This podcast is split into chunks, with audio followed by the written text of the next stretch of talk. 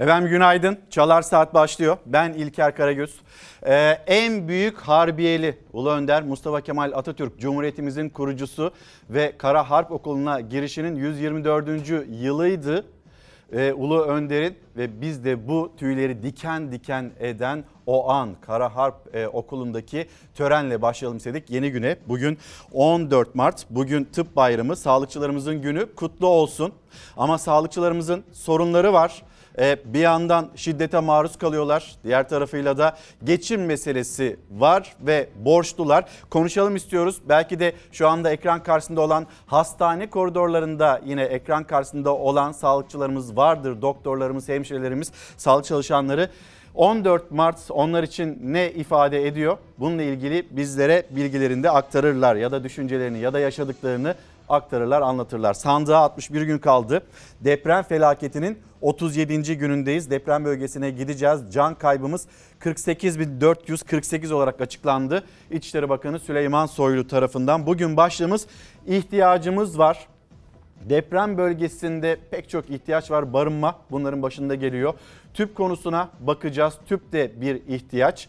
E, aynı zamanda İçişleri Bakanı Süleyman Soylu'nun yine sıralamış olduğu bir liste, ihtiyaç listesi var ki biz de zaten başlığımızı o ihtiyaç listesinden bulduk, çıkarttık. İçişleri Bakanı e, bu bölgede çay, şeker, kahvaltılık ihtiyacı olduğunu söyledi. E, giyimle ilgili ihtiyaçlar olduğunu da söyledi. Bir tarafıyla biz deprem vergileri topladık. Diğer tarafıyla IBAN'lar verildi. Sonra yardım kampanyaları yapıldı ama hala biz kahvaltılık ulaştıramıyoruz noktasındayız. İçişleri Bakanı Süleyman Soylu'nun e, açıklamalarıyla. Aynı zamanda Cumhur İttifakı seçim için genişleme ihtiyacında. Bunun bir tarafı Hüdapar ve diğer parti hangi partilerle yakınlaşıldı? Yeniden Refah Partisi ile yine Cumhur İttifakı yakınlaştı. AK Parti Genel Başkan Vekili Numan Kurtulmuş her partinin kurumsal kimliği, parti programları, siyasi fikirleri vardır ama hepimizi ortak noktaya getiren ilkeler. Biz ilkelerde buluştuk dedi. Peki e, parti programlarına baktığımızda mesela Hüdapar kim? Hüdapar neyi istiyor? Devletin resmi kayıtlarında terör örgütü olan Hizbullah, Hüdapar'ın gözünde bir terör örgütü değil. Mesela Yeniden Refah Partisi 6284 sayılı kadını koruyan yasadan vazgeçilmesini isteyen bir parti. Cumhur İttifakı işte bu iki partiyle yakınlaştı. O süreç ne zaman tamamlanır? Bu mutabakat ne zaman imzalanır? Elbette dikkatle takip edeceğiz. Bir kez daha hatırlatalım. Başlığımız ihtiyacımız var. Millet İttifakı kazanırsa Cumhurbaşkanı yardımcısı olacak bir isim bir lider. Bugün Çalar Saat'te konuğumuz olacak. Aynı zamanda CHP lideri Kemal Kılıçdaroğlu'nun Sözcü gazetesine vermiş olduğu röportaj var. Hem bu röportaja bakacağız hem siyasetteki hem de deprem bölgesindeki gelişmelere birlikte bakacağız. Siz neredesiniz? Nereden bize günaydın diyorsunuz? Hem yoklama yapalım hem de gündeminizde ne varsa yazın bizlere gönderin. Ucu nereye giderse gitsin 418 milyar doları alacağım dedi. Sözcü gazetesine, Sözcü gazetesinden yine Aytunç Erkin'e CHP lideri bunu konuşacağız. E, ayrıca Profesör Doktor Cenk Yaltırak sağ çalışmalarını tamamladı, geldi. Dünya literatürüne girecek ve ezber bozan bilgiler var. E, araçlarla gidilmesi zor olan coğrafyaya gittiler. Fay hattı ve kırıkları ile ilgili o analizlerini de yaptılar. Hem sahaya bakacağız deprem bölgesine hem de İstanbul ve Marmara depremine bakacağız. Birlikte konuşacağız. İhtiyacımız var. Bugünkü başlığımız hemen bölgedeki ihtiyaçlara bakalım. Şimdi çadır, barınma, ısınma bunlardan bir tanesi. Bir de tüp ihtiyacı var. Onu da hatırlatalım. Yemeği hep böyle bu aşevinden mi alıyorsunuz? Buradan alıyoruz yemeği. Çadırlarda pişirme şansınız var mı? Yok. Neden? Tüp yok. Tüp yok. Ateşte yemek yapmaya çalışıyoruz ama bir yere kadar. Aşevi verirse yiyoruz, vermezlerse aç kalacağız. Biz tarlada kalıyoruz. Ne tüp var ne bir şey ya. Buradan artık aşevlerinden alıyor. Mecburuz yani. Can kaybının 48.448'e yükseldiği deprem bölgesinde 37. günde de ihtiyaçlar karşılanabilmiş değil. Çadır ve konteyner gibi gıdaya erişimde kısıtlı. Gıda yardım ulaşanlarınsa pişirebilmek için tüpe ihtiyacı var. Tüp almışsınız. Herkes bulamıyor tüp. Siz nereden buluyorsunuz? Biz e, tüpü enkazdan çıkardık. Bulamıyoruz çünkü. Tüp yok. Çadırlarda erzağa ve tüpe aynı anda ulaşmak herkes için mümkün olmuyor. Çünkü bölgede tüp yardımı yaygın olarak yapılmıyor. Bu yüzden birçok depremzede mobil aşevlerinden yemeğini alıyor. Kimi de hasarlı enkaza dönmüş evlerine girip tüpünü çıkarmak zorunda kalıyor. Ama zaten bir küçük tüple bir çadıra yemek pişirmek günlerce de mümkün değil. Çünkü her bir çadırda 2-3 aile kalıyor. Odun bulabiliyorsak ocakta yapabiliyoruz. Odun bulamıyorsak zaten sıkıntı. Tüp Tüp bu aralar nereden bulacaksınız abla?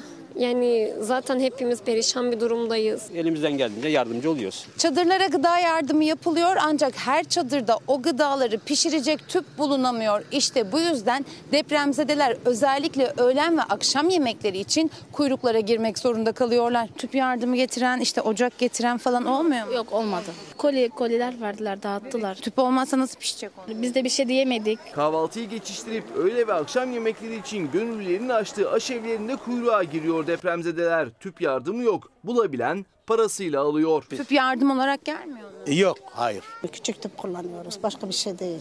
Tüpü peki kendiniz mi değiştiriyorsunuz o da yardım mı geliyor? Biz değiştiriyoruz. En son değiştirdiğimiz 70 TL. Aradan geçen haftalara 37 güne rağmen hala çadıra ulaşamayan aileler de var. Özellikle Hatay'da. 36 gündür hala çadır meselesini çözmüş değiller. İsyanımız büyük bizim. Kaç kişi için çadır bekliyorsunuz? Kaç kişi? 60 kişi. Hala e, sera altında yaşayanlar var. Çadır istiyorum. Domates ekiyorduk. Domates çıkardık. Seraya mı giriyorsunuz? Seraya, seraya girdik. 7-8 kişiyiz. Yağmur geliyor. Ablam ve dört çocuğuyla beraber şu an çadırları yok. Ee, Dün sabahtan beri arıyoruz. Bizlere günaydın diyen izleyicilerimizle selamlaşalım ama deprem bölgesi oradaki ihtiyaçlar yine aklımızın bir köşesinde olsun bulunsun. İşleri Bakanı Süleyman Soylu'nun sözleri var. E değerlendireceğiz yani o kadar deprem vergisi nereye gitti ve biz bu afete bu felakete neden hazır değildik? Sonra Kızılay depremin 3. gününde nasıl hala depolarında çadır tutar, nasıl gıda satar, nasıl aş satar onu da konuşmamız gerekiyor. İhtiyacımız var başlığı altında. Gülay Hanım selamlar. Eskişehir'e de selamlarımızı iletelim. Emekli bir sağlıkçı olarak tüm meslektaşlarımın gününü kutluyorum. Haklarını hakkıyla almak nasip olur inşallah. Yeni Çağ Gazetesi'ne bakalım mı Hilal? Yeni Çağ Gazetesi'nin manşeti bugün sağlıkçılarımız. Bu arada Can Bey günaydınlar. Ee, sağlığa, huzura, mutluluğa ve güvene ihtiyacımız var diyor. Neye ihtiyacımız var? Hem günaydın deyin hem de siz de bir ihtiyaç listesi e, hazırlayıp bizimle paylaşırsanız seviniriz. E, neredesiniz? Sizi bekliyoruz. Hadi yayın başlasın, haberler başlasın diyen izleyicilerimize buradayız. Geldik diyelim. Yeni Çağ Gazetesi. Sağlıkçılar borçla yaşamaya çalışıyor. Ekonomik krizin altında ezilen sağlık çalışanlarının büyük çoğunluğu borçlarını ödemekte zorlanırken bir de şiddete uğruyor. Sağlıkçıların yarısı istifa noktasına gelmiş durumda ve biz geçtiğimiz dönemde pek çok genç doktorumuzun, sağlıkçılarımızın ülkemizden gittiğini gördük. Giderlerse gitsinler sözlerini de duymuştuk. Genel Sağlık İş Sendikası'nın hazırladığı sağlık çalışanlarının güncel sorunları araştırma raporu sağlık çalışanlarının %81.1'inin gündelik yaşamın devamı için borçlanmak zorunda kaldığını ortaya koydu. Yani 10 sağlık çalışanından 8'i bundan söz ediyor. Rapora göre sağlıkçıların %86.1'inin kredi borcu var.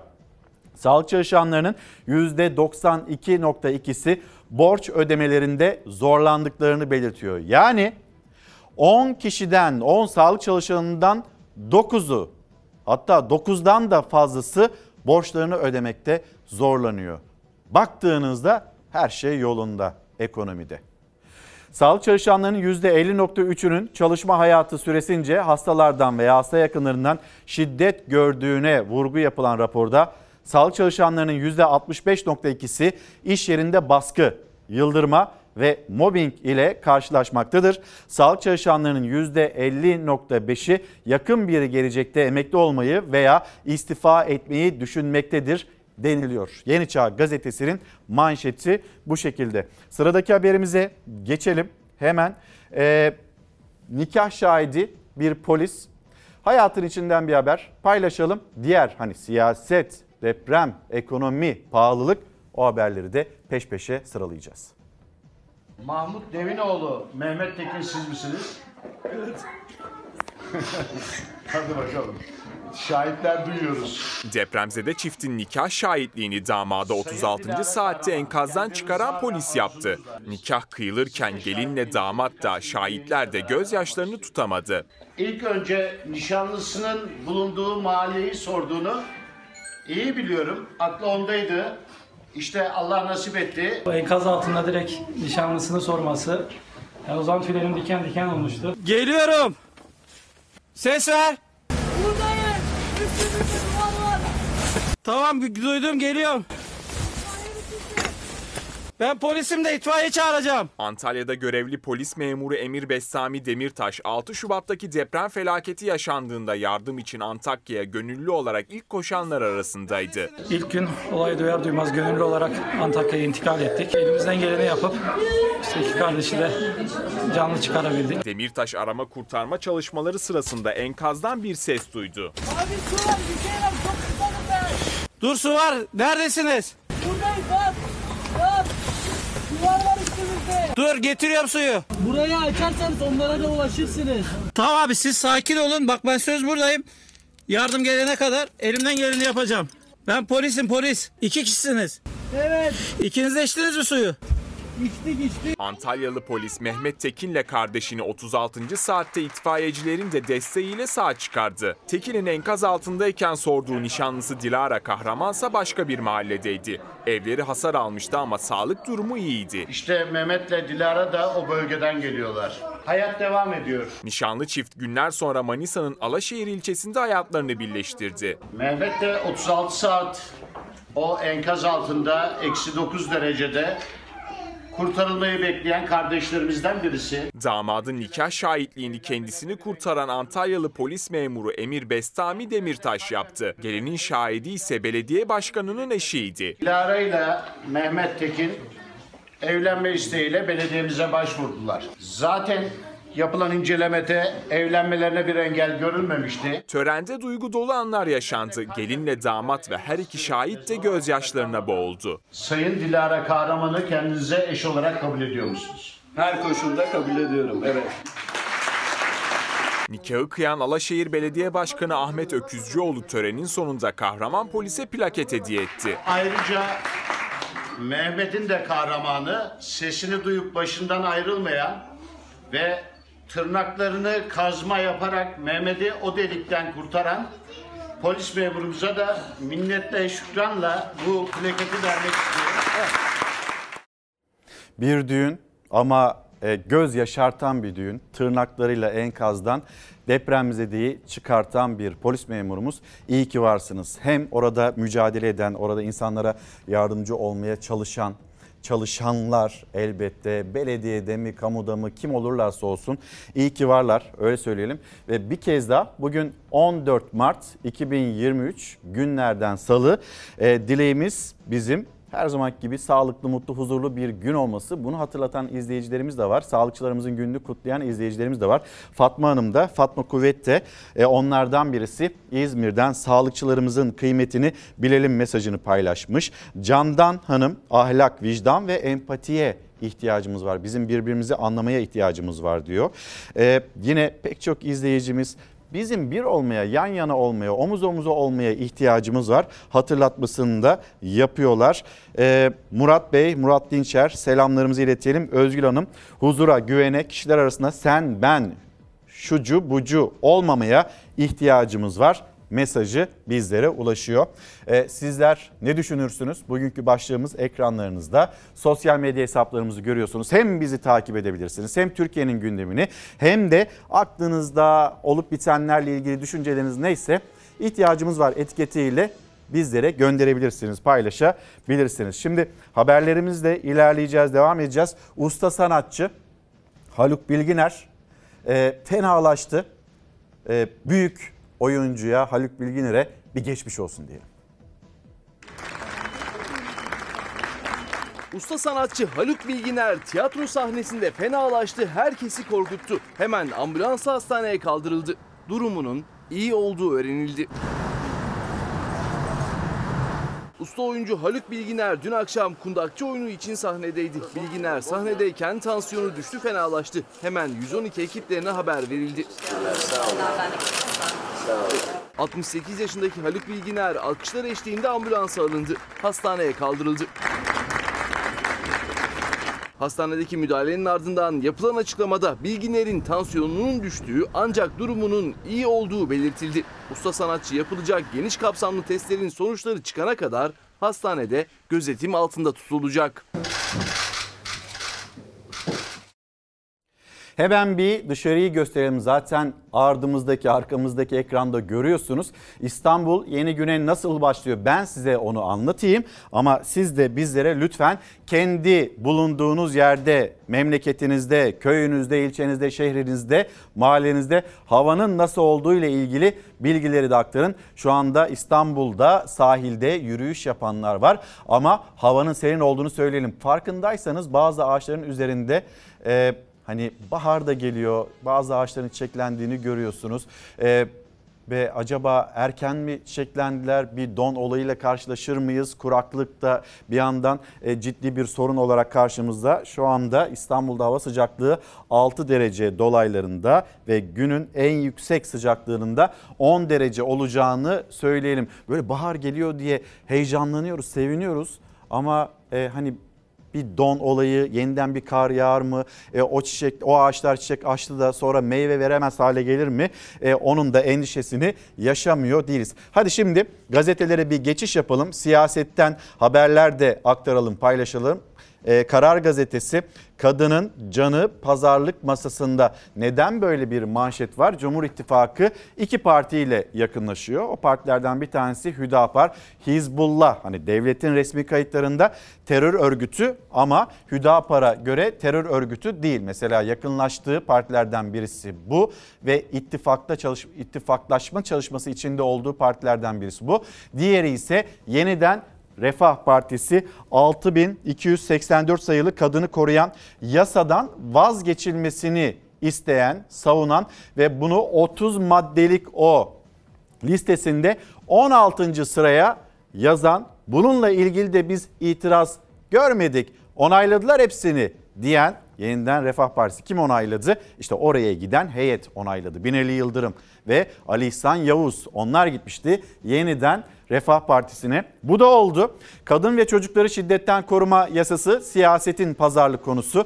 Yeniden Refah Partisi'nde ittifaka girmemiz karşılığında o yasanın kaldırılması şartımızı iktidar kabul etti açıklaması geldi. Her gün bir cinayetin yaşandığı Türkiye'de kadını koruyan yasanın seçim öncesi aldım verdim de gündeme gelmesi infial yarattı. Kamuoyunda ortak tavır oluştu. Kadınların hayatı oy hesaplarına alet edilemez. Bir Aydınlık gazetesine bakalım mı Hilal? Şimdi e, yeniden Refah Partisi tamam onaylandı bir sorun yok diye bir açıklama yapıyor.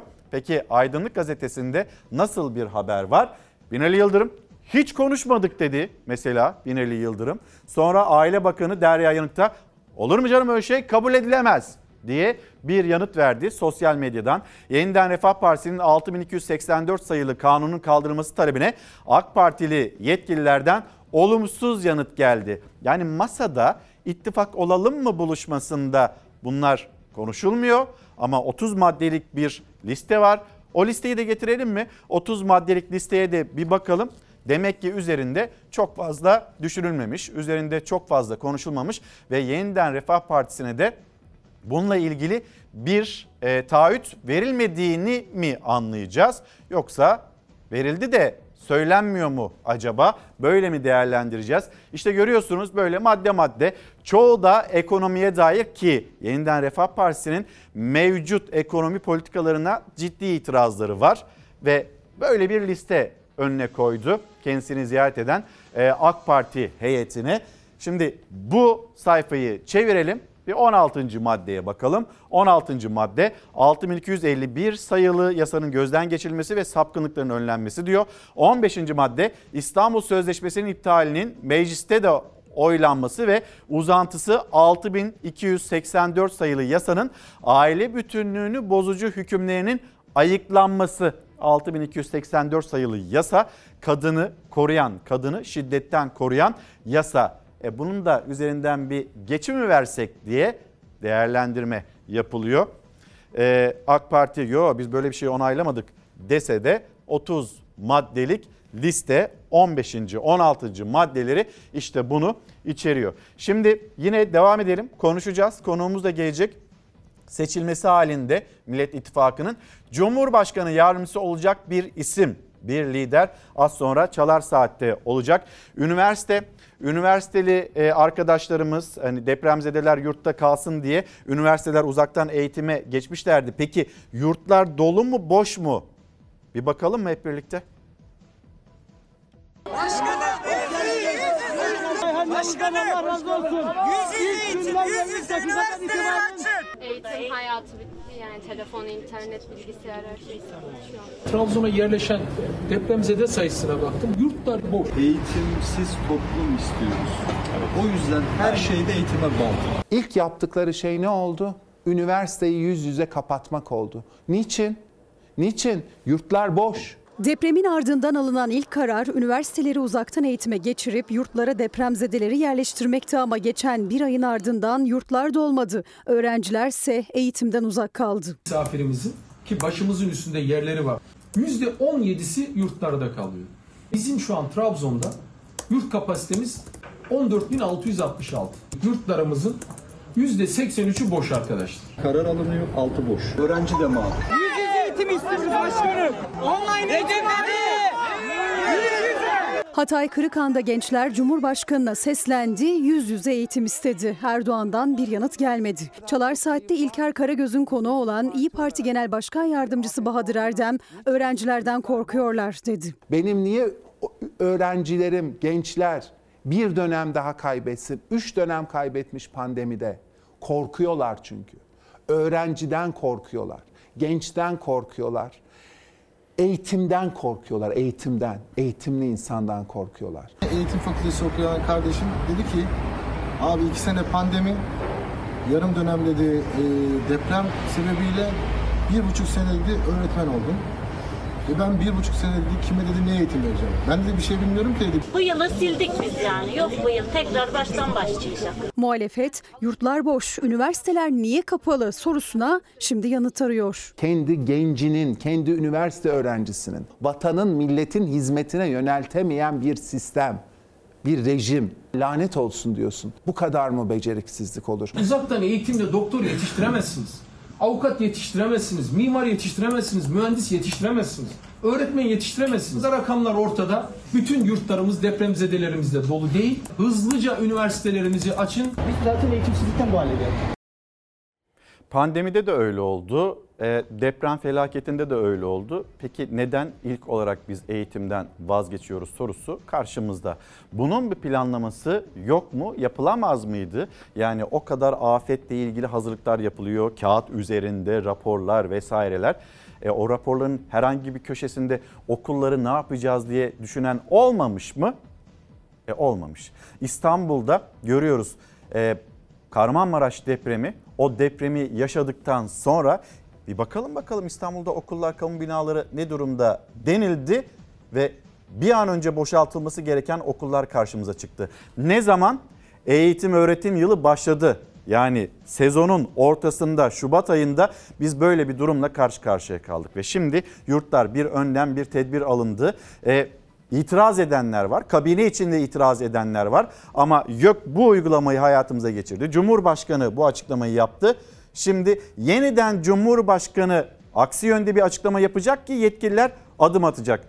Onun dışında Cumhurbaşkanı bir şey söylemezse efendim biz bunu acaba eski haline getirsek mi getirmesek mi diye kimse de adım atmayacak gibi gözüküyor. Ama öğrenciler onlar mağdur yurtlar dolu değil deprem bölgesinde insanlar evlerinin karşısında çadır istiyor ya da köylerinin karşısında yıkılan evlerinin yıkılan damlarının karşısında çadırlarını istiyor. Bir yere de gidemiyorlar çünkü e, topraklarının yanında hayvanların yanında olması gerekiyor. Üretimde de kalmak istiyor depremzedeler özellikle depremzede köylüler oraya ulaşılsın. Şimdi Sözcü gazetesindeki manşete bakacağız. Oradan da İçişleri Bakanı Süleyman Soylu'nun bir çağrısı var. Onu da e, ekranlarınıza taşıyacağız. Mine Hanım günaydınlar. E, kaliteli bir yayın e, ulaşmadığını söylüyorsunuz. Bir kez daha belki e, bu konuda düzelttirmeye mi ihtiyaç var, alıcıları mı e, ayarlamak gerekiyor?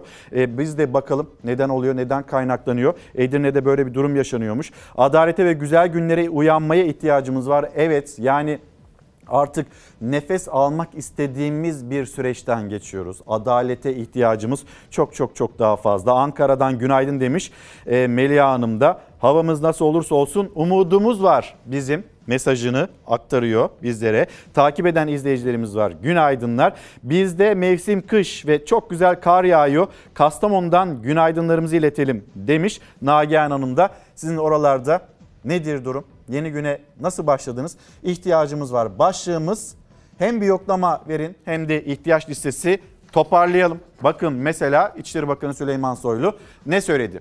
Devleti acizmiş gibi göstermeye kimsenin hakkı yok. 115 milyar dolar topladılar. Hala yardım istiyorlar. Manşet. Depremin üzerinden 35 gün geçmesine rağmen bölgedeki sorunları çözemeyen iktidar şimdi de çay, şeker, terlik ve kahvaltılık istedi.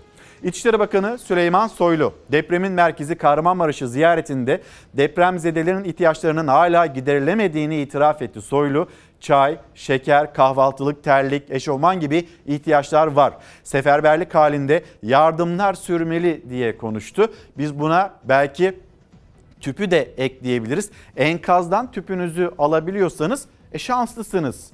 Onun dışında tüp bulabilmek güç, tüp bulabilmek zor. Barınma ihtiyaç, ısınma ihtiyaç ve biz deprem felaketinin 37. günündeyiz. Hala böyle bir durumunda içindeyiz. 115 milyar dolar topladılar. Hala yardım istiyorlardı. Sözcü gazetesinin manşeti. Soylu'nun sözlerine siyasetten ve sosyal medyadan tepki yağdı. Biz elbette, ha şunu da söyleyelim. Koli ile kuru gıda, hijyen ve temizlik ürünleri, şampuan, ıslak mendil, çay, şeker, kahvaltılık malzeme, eşofman, terlik, spor ayakkabı, kadın, erkek ve çocuk giysisi ve iç çamaşırı Ayrıca yazlık kıyafetler ihtiyaç listesinde sıralandı. İçişleri Bakanı Süleyman Soylu biz elbette orada olmaya devam ederiz. Biz orada depremzedeler için ne yapılabilirse elimizden geldiğince yetişmeye çalışırız ki herkes bunu yapıyor. Çünkü herkesin orada bir tanıdığı var. Depremzede tanıdığı var ya da kaybı var. O yüzden orada bulunulur ama 115 milyar dolar toplandı. Hala yardım istiyorlar kısmı da elbette Türkiye'yi muhalefeti de konuşturdu. Kahvaltı verdiğimiz yerler var, veremediğimiz yerler var. Çay, şeker, kahvaltılık. Seferberlik halinde olan vatandaşlarımızdan taleplerimiz bunlardır. Süleyman Soylu depremzedelere çay yardımı, kahvaltı yardımı, şeker yardımı istiyor. Hayırdır Süleyman Soylu? Sellerde, afetlerde, mitinglerde attığınız çaylar bitti mi? Tükendi mi çaylar? Cumhurbaşkanımız sizlere çay ikram edecek. İçişleri Bakanı Süleyman Soylu'nun deprem bölgesindeki ihtiyaçları sayarken çay istemesine karşı muhalefet Erdoğan'ın mitinglerde çay dağıtmasını hatırlattı. O çayları atarken düşünecektiniz onları. O çay bugün lazım. İnsanların kafasına atmak için değil. Birinci talep, altını çizerek söylüyorum, kuru gıda kolisidir. İkinci talep, hijyen ve kişisel temizlik ürünleridir. Bahar ve yazlık giysiye çocuk, büyük ihtiyaç var. Türkiye'nin dört bir yanından on binlerce tır dolusu yardımlar deprem bölgesine ulaşırken ihtiyaç listesini paylaştı İçişleri Bakanı Süleyman Soylu. Kahvaltılık malzemeye de özellikle ihtiyaç olduğunu söyledi.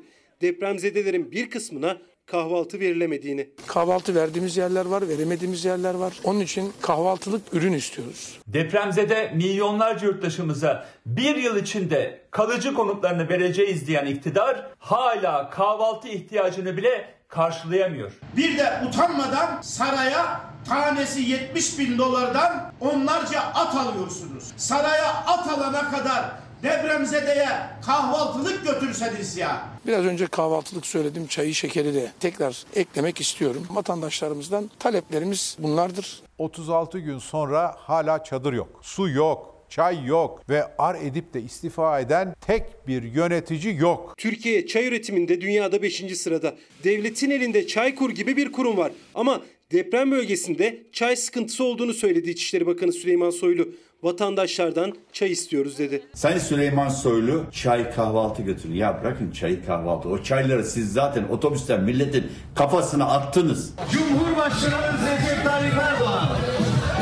Cumhurbaşkanı Erdoğan'ın mitinglerde hatta Karadeniz'deki sel felaketi sonrası afetzedelere çay dağıtması o günlerde de çok tartışılmıştı. Bugün İçişleri Bakanı depremzedeler için çay isteyince muhalefet arşivi açtı. Milletin kafasına çay atıyordunuz. Şimdi depremzedeye çay istiyorsunuz. 115 milyar para topladınız. Depremzedeye yardım etseniz ya. Yazıklar olsun. Yani atımız var, çayımız yok. Makam araçlarımız var, şekerimiz yok. Öyle mi? Yani biz depreme 2019-2020 yıllarında bir afet hazırlık planı da yaptık. Böyle mi hazırlandık? O afet e, hazırlık planında çay, şeker, terlik, eşofman, temizlik malzemesi, hijyen malzemesi, çadır bunlarla ilgili bir hazırlık yok muydu? Yani yarın yokmuş gibi davranıp at aldık, çayımız yok. Ve böyle bir ihtiyaç listesi de karşımızda duruyor. Devam edelim.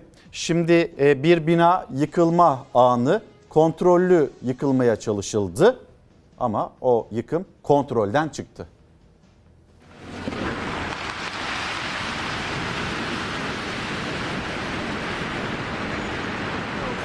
Kontrollü yıkım sırasında kontrol kaybedildi. Kolonu aniden kırılan bina geniş bir alanı etkileyecek şekilde yıkıldı. Korku dolu anlar kameradaydı.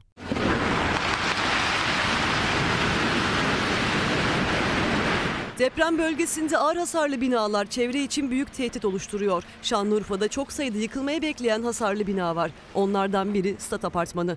Zor ayakta duran bina için çevrede geniş güvenlik önlemi alındı. İş makinesinin yıkım işlemi başladı. Yıkım sırasında kolonu kırılan bina büyük bir gürültüyle çöktü. Moloz parçaları şerit çekilen alanı da geçti. O sırada çevredeki vatandaşlar için büyük tehlike oluşturdu. Toz bulutu geniş bir alana yayıldı.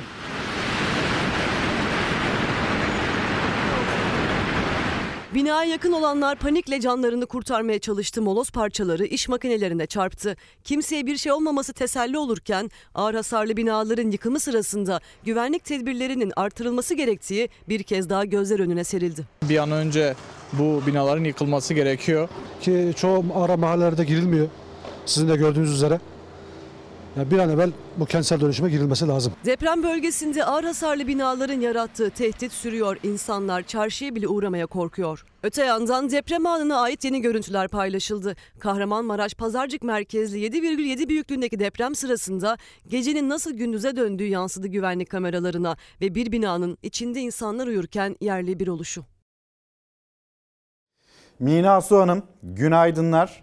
Ee, hani çay, şeker, kahvaltılık, terlik, eşofman bununla ilgili hazırlığı biz mi yapmalıyız yoksa devletin buna hazır olması gerekmez miydi sorusunu soruyor.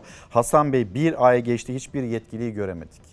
Çadır istedik çadır gelmedi artık çadır kısmını da geride bırakmamız gerekiyor. Artık böyle konteynerlara ihtiyacımız var ve Hasan Bey de daha o çadırın bile kendilerine gelmediğini, köylerine ulaşmadığını söylüyor. Ee, köyde yaşamamız belki de bir şans bizim için. Artık gerçekten vicdan sahibi olan insanlara bizim ihtiyacımız var. Bizi anlayabilecek insanlara ihtiyacımız var mesajını paylaşıyor. Ee, devam edelim. Cumhuriyet Gazetesi siyasetten bir haber manşette. Ee, hemen bir bakalım. Gerici kuşatma oy pazarlıklarının merkezine kadınları koruyan son yasayı koydular. Cumhurbaşkanı kararıyla kadınlar için adeta bir koruma kalkanı olan İstanbul Sözleşmesi'nden çıkıldı. Kadınları koruyan tek yasa olan 6284 de seçim arifesinde tehlikede. Cumhur İttifakı'na katılmayı kabul eden Yeniden Refah Partisi AKP'den bu yasanın kaldırılmasını istedi. Belki de hani başkanlık sistemine Yeniden Refah Partisi'nin bir itirazı yok. Çok da bir itiraz sesi dillendirmiyor Yeniden Refah Partisi. Ortaklaştıkları ya da ortaklaşabilecekleri bir konu varsa o da İstanbul Sözleşmesi. İstanbul Sözleşmesi'nden çıkılması. Bunu biz bir mecliste de e, oylayalım diyor Yeniden Refah Partisi. Sonra 6284 sayılı kadınları koruyan o yasa orada da fazlalıklar var. Onları da şöyle bir atı verdik mi tamam biz de ittifakta oluruz. Peki ekonomiyle ilgili sesleri, ekonomiyle ilgili itirazları tamam onu sonra konuşuruz noktasında. Yeniden Refah Partisi ve AK Parti ile e, yapmış oldukları görüşmeden çıkan bilgiler bu şekilde. E, bu daha çok konuşulacak. İttifak şartı olarak 30 madde sunan Yeniden Refah Partisi AKP'den itiraz gelmediğini açıkladı. Konu AKP içinde de tartışma yarattı. Parti sözcüsü Ömer Çelik programlarımız çelişebilir. İttifakımız ilkeler açıklaması e, yapacak. Ortak bir duruş belirlenir demekle yetindi. Şimdi ilkelerde biz anlaştık diyen 30 maddeyi AK Parti'nin önüne koyan bir yeniden Refah Partisi var. E tamam dediler kimse itiraz etmedi diyen bir parti var. Diğer tarafta olur mu canım biz hiç öyle bir şey konuşmadık diyen AK Partili yetkililer var. Sonra yine ortak ilkeler, ortak duruş denilerek Hüdapar ile yakınlaşan bir Cumhur İttifakı var ve o Cumhur İttifakı'nda önemli bir isim, önemli bir parti Milliyetçi Hareket Partisi onlardan e, lideri Devlet Bahçeli'den henüz bir açıklama gelmedi. Şimdi siyaset Devlet Bahçeli'nin Hüdapar'ın da e, Cumhur İttifakı'na dahil olması ile ilgili ne söyleyeceğini çok merak ediyor. Devam edelim haberlerimizle deprem ve deprem bağlantılı haberlerimiz. Ee, güvenli yeni konutlara erişim gündemdeyken 12 yıldır evlerine kavuşmak için mücadele verenler. Onların haberi.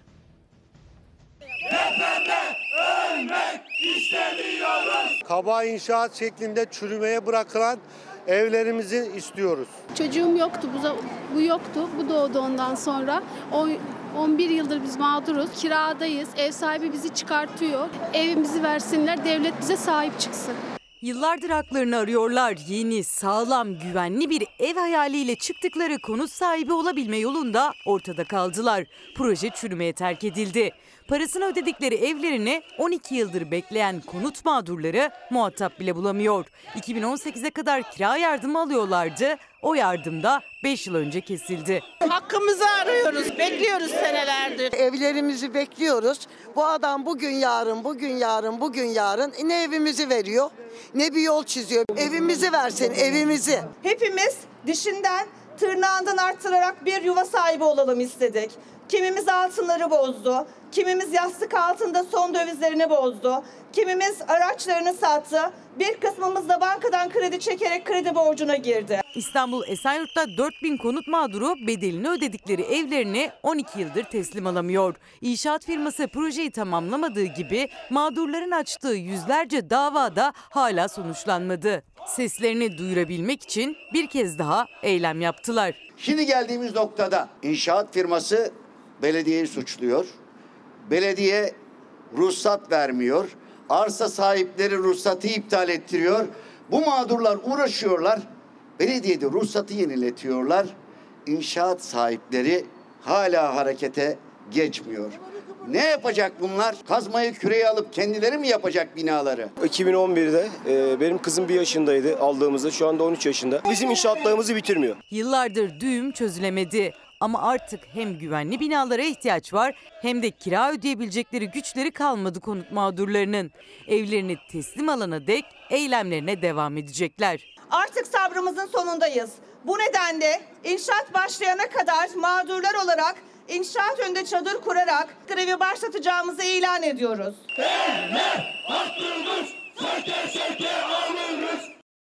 Melia Turhan günaydın. Duş, duş, duş bu bölgenin ihtiyacı diyor. Elbette hijyen bunun diğer tarafı. Sonra Hatice Hanım o kadar para toplandı. O kadar yardım gitti deprem bölgesine. Nerede bunlar diye bir soru soruyor. Şöyle söyleyelim. Her şeyi tek elden, tek merkezden kontrol etmeye çalışırsanız ve AFAD'a yüklenirseniz bölgeye ilk günlerde tırlar yağdı. Şehirlere giremediler. Bir yandan vinçler, diğer taraftan tırlar, yardım malzemeleri, gıdalar her şey gitti. Türkiye seferber oldu. Geldi şehire, depremzedelere ulaştı. Sonra ne oldu? Biz o kıyafetleri şu bugün ihtiyaç olan o kıyafetleri yol kenarlarına atılmış halde gördük mü? Bunun tasnifi bile yapılmadı. İnsanlar her şeyi gönderdi. Terlikte gönderdi, eşofmanda gönderdi, kışlık kıyafet gönderdi, bot gönderdi, mont gönderdi. Sonra biz onları yol kenarında atılı halde gördük ve görüntüledik. Niye? Çünkü koordinasyon yapılamadı, başarılamadı. AFAD bunu başaramadı. Belki AFAD, belki Kızılay, belki STK'lar, belki belediyeler herkes görevlendirilseydi oraya giden yardım malzemeleri bir depoda, bir çadırda çadır deyince aklımıza Kızılay geliyor. Onları satmaya çalışan Kızılay. Orada tasnif edilseydi gönüllüler yağdı gitti oraya. E yapılmadı. Şimdi dönüp bakıyoruz. E ne- o kıyafetler de tabii böyle çarçur oldu. Çöp haline geldi. E bunlar yapılsaydı bugün buna belki de ihtiyaç olmayacaktı. Çay diyoruz, şeker diyoruz. Kimse kendi makam araçlarına, kendi makam sıcaklığına bakmıyor. O kadar para toplandı diyor. İşte Sözcü gazetesinde okuduk. 115 milyar dolar. Az bir şey mi? 115 milyar dolar. Nerede bu paralar diye izleyici de soruyor. Muhalefet de soruyor. Ne yaptınız diye soruluyor. Sonra üzgün, ses tonları da düşük bir şekilde bölgenin ihtiyaçları var diye açıklamalar yapılıyor. Yani e, yapamamışız, başaramamışız. Yine yardım edilir mi? Edilir elbet. Herkes yardım eder. Ama bizim bir deprem planlaması yapamadığımızı söylememiz gerekmiyor mu? Bununla ilgili bir adım atmamız gerekmiyor mu? 37. gündeyiz. Hala biz çadır bulamadım diyen izleyicilerimizin sesine ses olmaya çalışıyoruz. Ya da yayınlar gerçekleştiriyoruz. E çadır yok gelmedi diyen, e, derme çatma barakalarda dün akşam Özgür Aslan Kazım Gökçe bizlere gösterdi. E birazdan yine deprem bölgesine gideceğiz. Aynı durumla karşı karşıyayız. Yani ilk gün ne yaşıyorsak 37. günde de bunu yaşıyoruz. E niye yaptık biz bunu? Niye toplandı o kadar paralar diye bir soru karşımızda. Devam edelim. Cumhuriyet Gazetesi'nde tamamlayalım. Siyasetle ilgili e, açıklamalar da var. Gelen mesajlar da var. E, onları okumaya da devam edeceğim. AKP Hizbullah terör örgütü değildir. Laik eğitim kız çocuklarının okumasına engel diyen Hüdapar'la görüşmesini sürdürdü. Dünkü toplantı sonrasında pürüz yok mesajı verildi. Şimdi anayasanın ilk dört maddesine muhalefet var mı Hüdapar'ın programında? E var işte laik eğitim kız çocuklarının okumasına engel diyor. Yani laik bir eğitim, laik bir ülke cumhuriyet istemiyor Hüdapar. Ama pürüz yok diye bir açıklama geliyor AK Parti'den. Hizbullah terör örgütü değildir. Ama devletin resmi verilerinde, devletin kayıtlarında PKK ne kadar terör örgütüyse e, Hizbullah da terör örgütü. Şimdi pürüz yok açıklamaları. Bir haber daha var. Onu da tamamlayalım. Öyle gidelim isterseniz. Ee, bir belediye başkanı kendisi hakkında suç duyurusunda bulunan bir belediye başkanını izleyeceksiniz. zaman zaman bizimle ilgili doğru olmayan iftira, hakaret içeren yazılar, söylemler oluyor. Ben de onun için buradayım.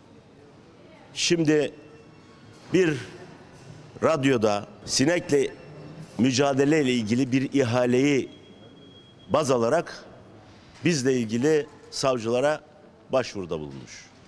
Onlara gerek yok. Ben kendimi savcılığa ihbar ediyorum. Sinekle mücadele ihalesini hukuk, savcılık çok dikkatle izlesin. 100 milyonluk olduğu ihale, iddia edildiği ihale çocuklarımıza ne sağlayacağız?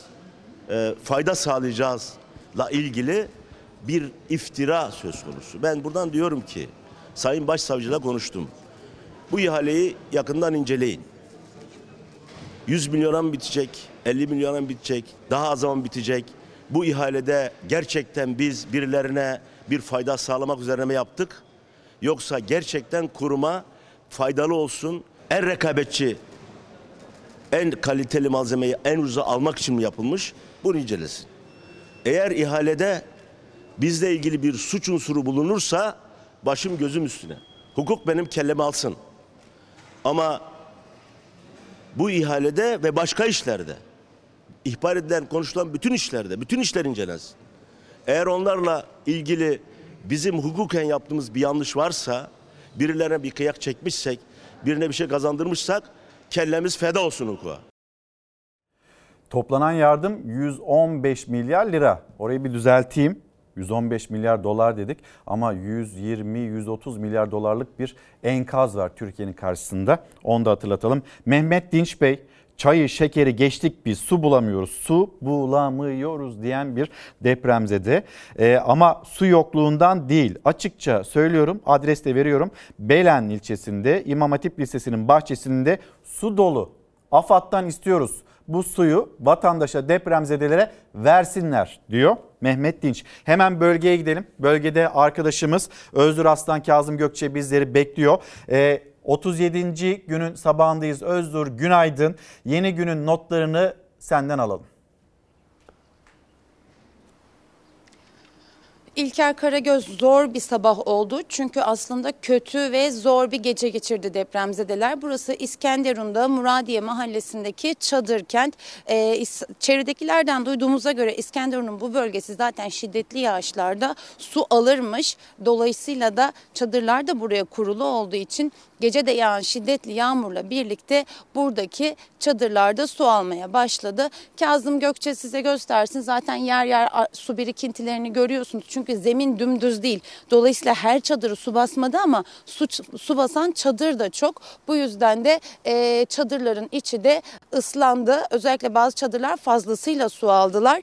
E, şöyle söyleyebilirim ki e, zemin dümdüz olsaydı, çevresi yeterli şekilde kapatılsaydı zaten mevsim itibariyle yağmurun geleceği, yağışların olacağı ortada. Bu tedbirler alınsa belki biraz daha kolay bir gece olabilirdi ama şimdi böyle olunca burası deprem bölgesi her gün yeni bir şey yaşanıyor ve ihtiyaçlar da sürekli boyut değiştiriyor haliyle. Bakın gece yağmur yağdı. Bugün şimdi yerleri serilecek, yerleri kurutacak, buraya döşenecek yeni malzemeler lazım. Efendim geçmiş olsun olsun. Sağ olun, teşekkür ederim. Çadırınızın içini anlatabilir misiniz bize? Gece ne oldu, ne yaşandı? Evet efendim, biz gece e, biz depremzedeyiz. Evimiz az, ağır hasarlı. Sağ olsun yetkililer bize çadır verdiler. Bir evdeyken yemek yerken yine artçı depremden kaçtık geldik. Bu, çadırımızı sel bastı. Yetkililere duyurumuz şudur. Bu e, her yağmur yanında eğer çadırımız böyle bir durum olursa bizim yaşam alanımız e, sıfıra düşüyor. Biz yetkilerden biraz daha böyle sosyal yaşam farkında, e, sosyal yaşam tarzında bir e, yetki istiyoruz, bir yardım istiyoruz. Durumumuz perişan. Eşim de belinden platin var, e, yapamıyor, sıcağa dayanamıyor, lava sorunu yapıyor. Biz aslında e, çadırlık bir aile değiliz. Biz aslında sağ olsun yetkililer çadır verdi ama biz aile olarak bize e, konteyner lazım. Eşim ameliyatlı olduğu için şu anda Kozan'da getiremiyorum. Getirdiğim zaman da lava sorununu çözemiyorlar. Ben yetkililere duyururum bize bir konteyner. Teşekkür ederim. İsminiz neydi? Hasan Göz Müsaade ederseniz içeriye girebilir miyiz? Efendim, tabii buyurun. Tabii ki burası onlar için artık ev olduğu için mahremiyetlerine de müsaade etmemiz gerekiyor. O yüzden izin istedim. Şöyle yerleri göstersin Kazım Gökçe size. Bakın su birikintilerini görüyorsunuz. Şöyle yapayım.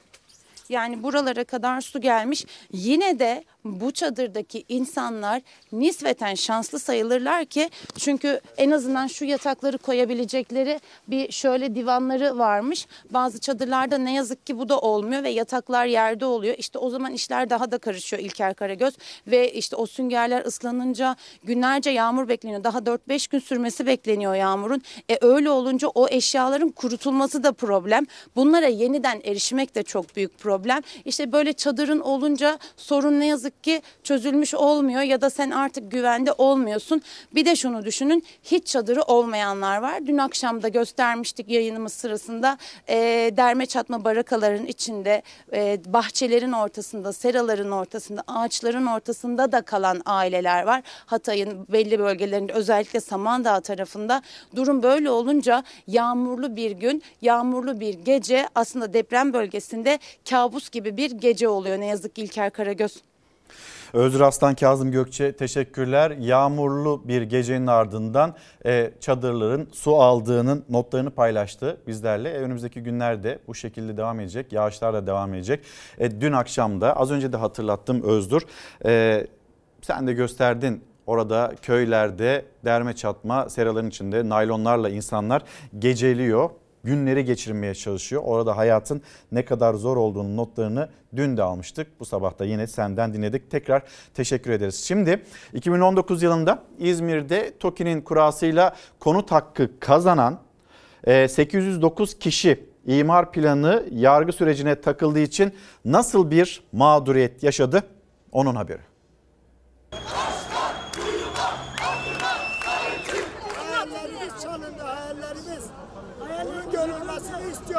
Biz TOKİ'nin 2019 yılında e, Karabağlar ilçesindeki dar gelirli vatandaşlar için yapmak istediği 809 konut için başvuran dar gelirli vatandaşlarız. Ve hala evlerini bekliyor o 809 kişi. Tam 4 yıldır belediyenin itirazı üzerine imar planı iptal edilince TOKİ'nin dar gelirliler için inşa edeceği konutlar mahkeme sürecine takıldı. İnşaat bir türlü başlamadı. Mağdur olduklarını ileri süren hak sahipleri Karabağlar Belediyesi önünde eylem yaptı. Etütünden, e, yer planından hani belediyenin ne kadar yetkisi varsa o yetkisini kullanarak mahkemeye gitmesinden ve yürütmeyi durdurmasından dolayı inşaatımızın başlamadığı için biz şu an e, normal şartlarda devam etseydi her şey evlerimize geçmek üzere olacaktık. İzmir'in Karabağlar ilçesinde 2019 yılında TOKİ'nin kurasıyla 809 dar gelirli vatandaş konut sahibi olmaya hak kazandı. Konutlar ilçe sınırları içinde Uzundere Mahallesi'nde inşa edilecekti ancak belediye ve şehir plancıları odası projelerdeki imar planlarına itiraz etti. Dava açıldı. Yargı süreci nedeniyle inşaatlarda başlayamadı. Mahkeme yürütmeyi durdurma kararı verdi. Şu an Danıştay'dan çıkacak sonuç bekleniyor ama ev hayali kuran vatandaşların bekleyecek sabrı da kalmadı. Karabağlar Belediye Başkanı bize e, sürekli söyledi Karabağlar'da konut ihtiyacı yok, yeni konut ihtiyacı yok diyor ve İzmir'in en çok kaçak yapıların olduğu Karabağlar ilçesidir. Bunu da herkes bilir ve depreme en dayanıksız olan binalar Karabağlar sınırları içerisinde yer alıyordu. Özellikle 6 Şubat deprem felaketinin ardından kaygıları artan hak sahipleri kirada oturdukları dayanıksız evlerden bir an önce çıkmak istiyor. Hepimiz kirada oturuyoruz, depreme dayanıksız evlerde oturuyoruz. Biliyoruz ki TOKİ'nin yaptığı evler depreme dayanıklı ve bu bizim hakkımız çünkü hak sahibiyiz. Eğer dava açmasaydılar biz 243 bin lira en pahalı olarak ev sahibi olacaktık. Şu an milyonlar konuşuluyor ve biz bu milyonların içinde %10'luk peşinatı nasıl ödeyeceğiz? Hak sahipleri belediye önünde eylem yaparak yetkililere seslendi. Buradan e, Karabağlar Belediye Başkanı Muhittin Selvi Topun'a ve e, itiraz eden şehir plancıları odasına bir çağrımız var bizim. Yani belki de bilmiyorlar burada kimlerin oturacağını, belki de zenginlerin oturacağını düşünüyorlar ama biz hayatında hiç ev sahibi olmamış ve TOKİ dışında ev sahibi olamayacak dar gelirli vatandaşlar. Şimdi bir kez daha yönetmenimizden Hilal'den rica edeyim. Sözcü gazetesi hemen gösterelim. Vatandaşlardan istenilen yardımlar, ortaya çıkan ihtiyaç listesi. Kolüyle kuru gıda, hijyen ve temizlik ürünleri, şampuan, ıslak mendil, çay, şeker, kahvaltılık malzeme, eşofman, terlik, spor ayakkabı, kadın, erkek ve çocuk giysisi ve iç çamaşırı ayrıca yazlık kıyafetler İçişleri Bakanı Süleyman Soylu bu çağrıyı yapmıştı. Şimdi vatandaşlarımız bölgeye yardım gönderiyor ancak ihtiyaçları bilmeden gönderiyor. Biz de o yüzden böyle bir e, çağrı yaptık diye İçişleri Bakanlığı'ndan e, yapılan e, açıklamalar da var, verilen bilgiler de var. Bölgeye yardım göndermek isteyen vatandaşlarımızı yönlendirmek amacıyla İçişleri Bakanı Süleyman Soylu bu çağrıyı yaptı deniliyor. Ama 115 milyar para toplandı. E, biz bu ihtiyaçları karşılayamadık mı hala diye bir soru da karşımızda. Bir gün gazetesine gelelim. Kızılay AKP için çalışıyor. Bir gün gazetesindeki haberleri okuyalım sonra İstanbul Büyükşehir Belediye Başkanı Ekrem İmamoğlu kendisinin devletin kurumları STK'lar Kızılay ile ilgili sözleri de var. Onu paylaşalım. Meclis üyesine çadır fabrikası, belediyeye taksi durağı Kızılay AKP için çalışıyor da manşet. Kızılay'ın Ankara'daki çadır fabrikasını AKP'li Gökşen'e kiraladığı ortaya çıktı. Kızılay'da skandallar bitmiyor. Ümraniye Belediyesi'ne de taksi durakları yapılmış. Yani ticaretin içinde artık Kızılay. Yani şirketleri var, CEO'ları var, satılık çadırları var. Deprem bölgesinde afet, insanlar enkaz altında yakınlarını arıyor. Kızılay fatura kesiyor. Ne güzel. Çadır satıyor, gıda satıyor, aş satıyor. Ya bu olmaz deniliyor. Kızılay Başkanı e ben de arkadaşları uyardım. Önce olur diyor. Sonra arkadaşları uyardım ben aslında. Yapmasaydınız keşke. Sonra bakarız dedim ben. Sonra bakarız. Sonra alırız parasını. Şimdi ver, verseydiniz. Bunu söylemiş Kızılay Başkanı. Koltuğunda mı? Hala koltuğunda. Bizim bugün hala çay, şeker, barınma böyle bir listemiz var mı? Var. Bunu gidermesi gereken, gıda eksiğini gidermesi gereken Kızılay o çadır satıyor. Onları satıyor. İsterseniz e, e-ticaretle de alabilirsiniz. Borsaya da açılmışlar. Hisse senetleri, altınlar, dövizler, bir şeyler, yatırımlar. Ne güzel dünya. 12 yerden maaş almıyorum ben aslında işte aldım onlar da işte oradan oraya gidiyor, oradan oraya gidiyor. Çadır dikiliyor. Garip garip açıklamalar da geliyor. Halka çadır satan Kızılay'ın skandalları son bulmuyor. Kerem Kırık'ın başında olduğu kurumun Avrupa'nın en büyük çadır üretim testlerinden biri olan Ankara Etimeskut'taki fabrikayı Keçiören Belediyesi'nin AKP'nin meclis üyesi olan Ali Gökşin'e kiraladığı ortaya çıktı. Gökşin şu anda biz üretim yapıyoruz ama Kızılay'ın kendi personeli de üretim yapıyor. Yani bir onlar yapıyor bir onlar yapıyor. Kızılay satıyor. İşte meclis üyesi satıyor mu satmıyor mu bilmiyoruz onu. Kızılay'ın İstanbul'daysa AKP'li Ümraniye Belediyesi'nin taksi durakları yaptığı, yaptırdığı da ortaya çıkmış. Bir özel bankanın şartlı bağışıyla yapılan taksi duraklarına para çekme makinaları da konulmuş. Bir gün gazetesinin manşeti. Şimdi devam edelim. Kızılay'la ilgili İstanbul Büyükşehir Belediye Başkanı Ekrem İmamoğlu açıklamaları. Devlet bir kurumlar zinciridir. Halkaların birbirine eklendiği ve asla zayıf bir halkasının olmaması gerektiği bütüncül bir organizasyondur. Her bir kurum ne kadar güçlüyse devlet o kadar güçlüdür. Kızılay Genel Müdürü ne kadar güçlüyse, ne kadar güvenilirse Cumhurbaşkanı da o kadar güçlü ve güvenilir hale gelir. Bu çok önemlidir. İstanbul Büyükşehir Belediyesi de aynı kavrama sahiptir.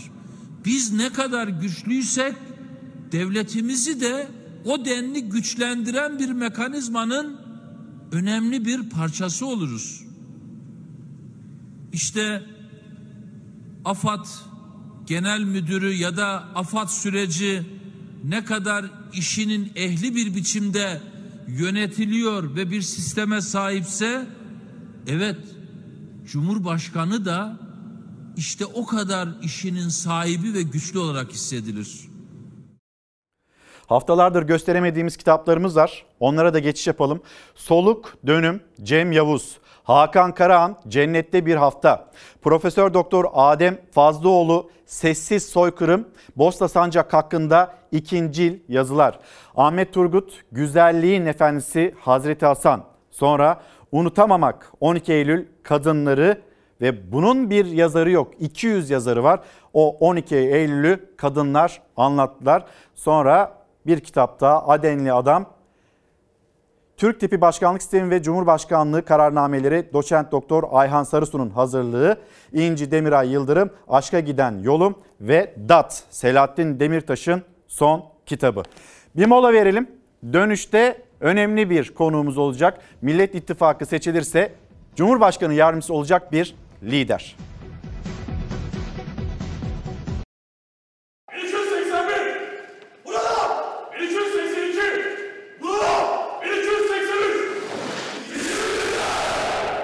En büyük harbiyeli Ulu Önder Mustafa Kemal Atatürk'ün Kara Harp Okulu'na girişinin 124. yıl dönümünde yine tüyleri diken diken eden anlar yaşandı. Ebedi Başkomutan Gazi Mustafa Kemal Atatürk'ün ilke ve ikramları ışığında mensup olmaktan gurur duyuyoruz. Yüce Türk milleti için canımızı feda etmeye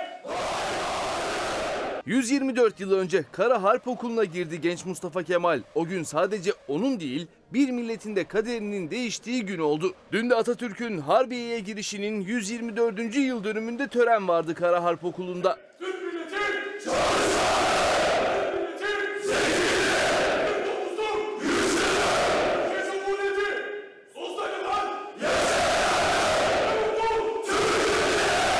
Milli Savunma Bakanı Hulusi Akar ve kuvvet komutanları da o törendeydi.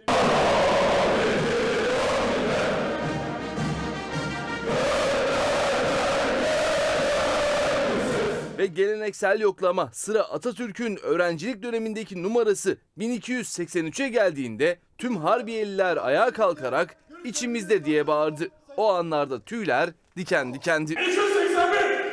Burada. 1282. Burada. 1283. Genç Harbiyeliler Atatürk'ün izinde bir kez daha and içti. Gazi Mustafa Kemal Atatürk'ün ilke ve ikramları ışığında olmaktan gurur duyuyoruz. Yüce Türk milleti için canımızı feda etmeye En büyük Harbiyeli Gazi Mustafa Kemal Atatürk Türkiye Cumhuriyeti'nin kurucusu ve Kara Harp Okulu'na girişinin 124. yılıydı. İşte böyle tüyleri diken diken eden bir törenle kutlandı. E, konuğumuz Demokrat Parti lideri Sayın Gültekin Uysal. Eğer Millet İttifakı kazanır ise Cumhurbaşkanı yardımcısı olacak isimlerden birisi. Günaydın. Hoş Günaydın, geldiniz. hoş bulduk. Geçmiş olsun. Çok Bu arada teşekkür ederim. zorlu bir süreç ve bir nekat dönemine de ihtiyacınız oldu galiba.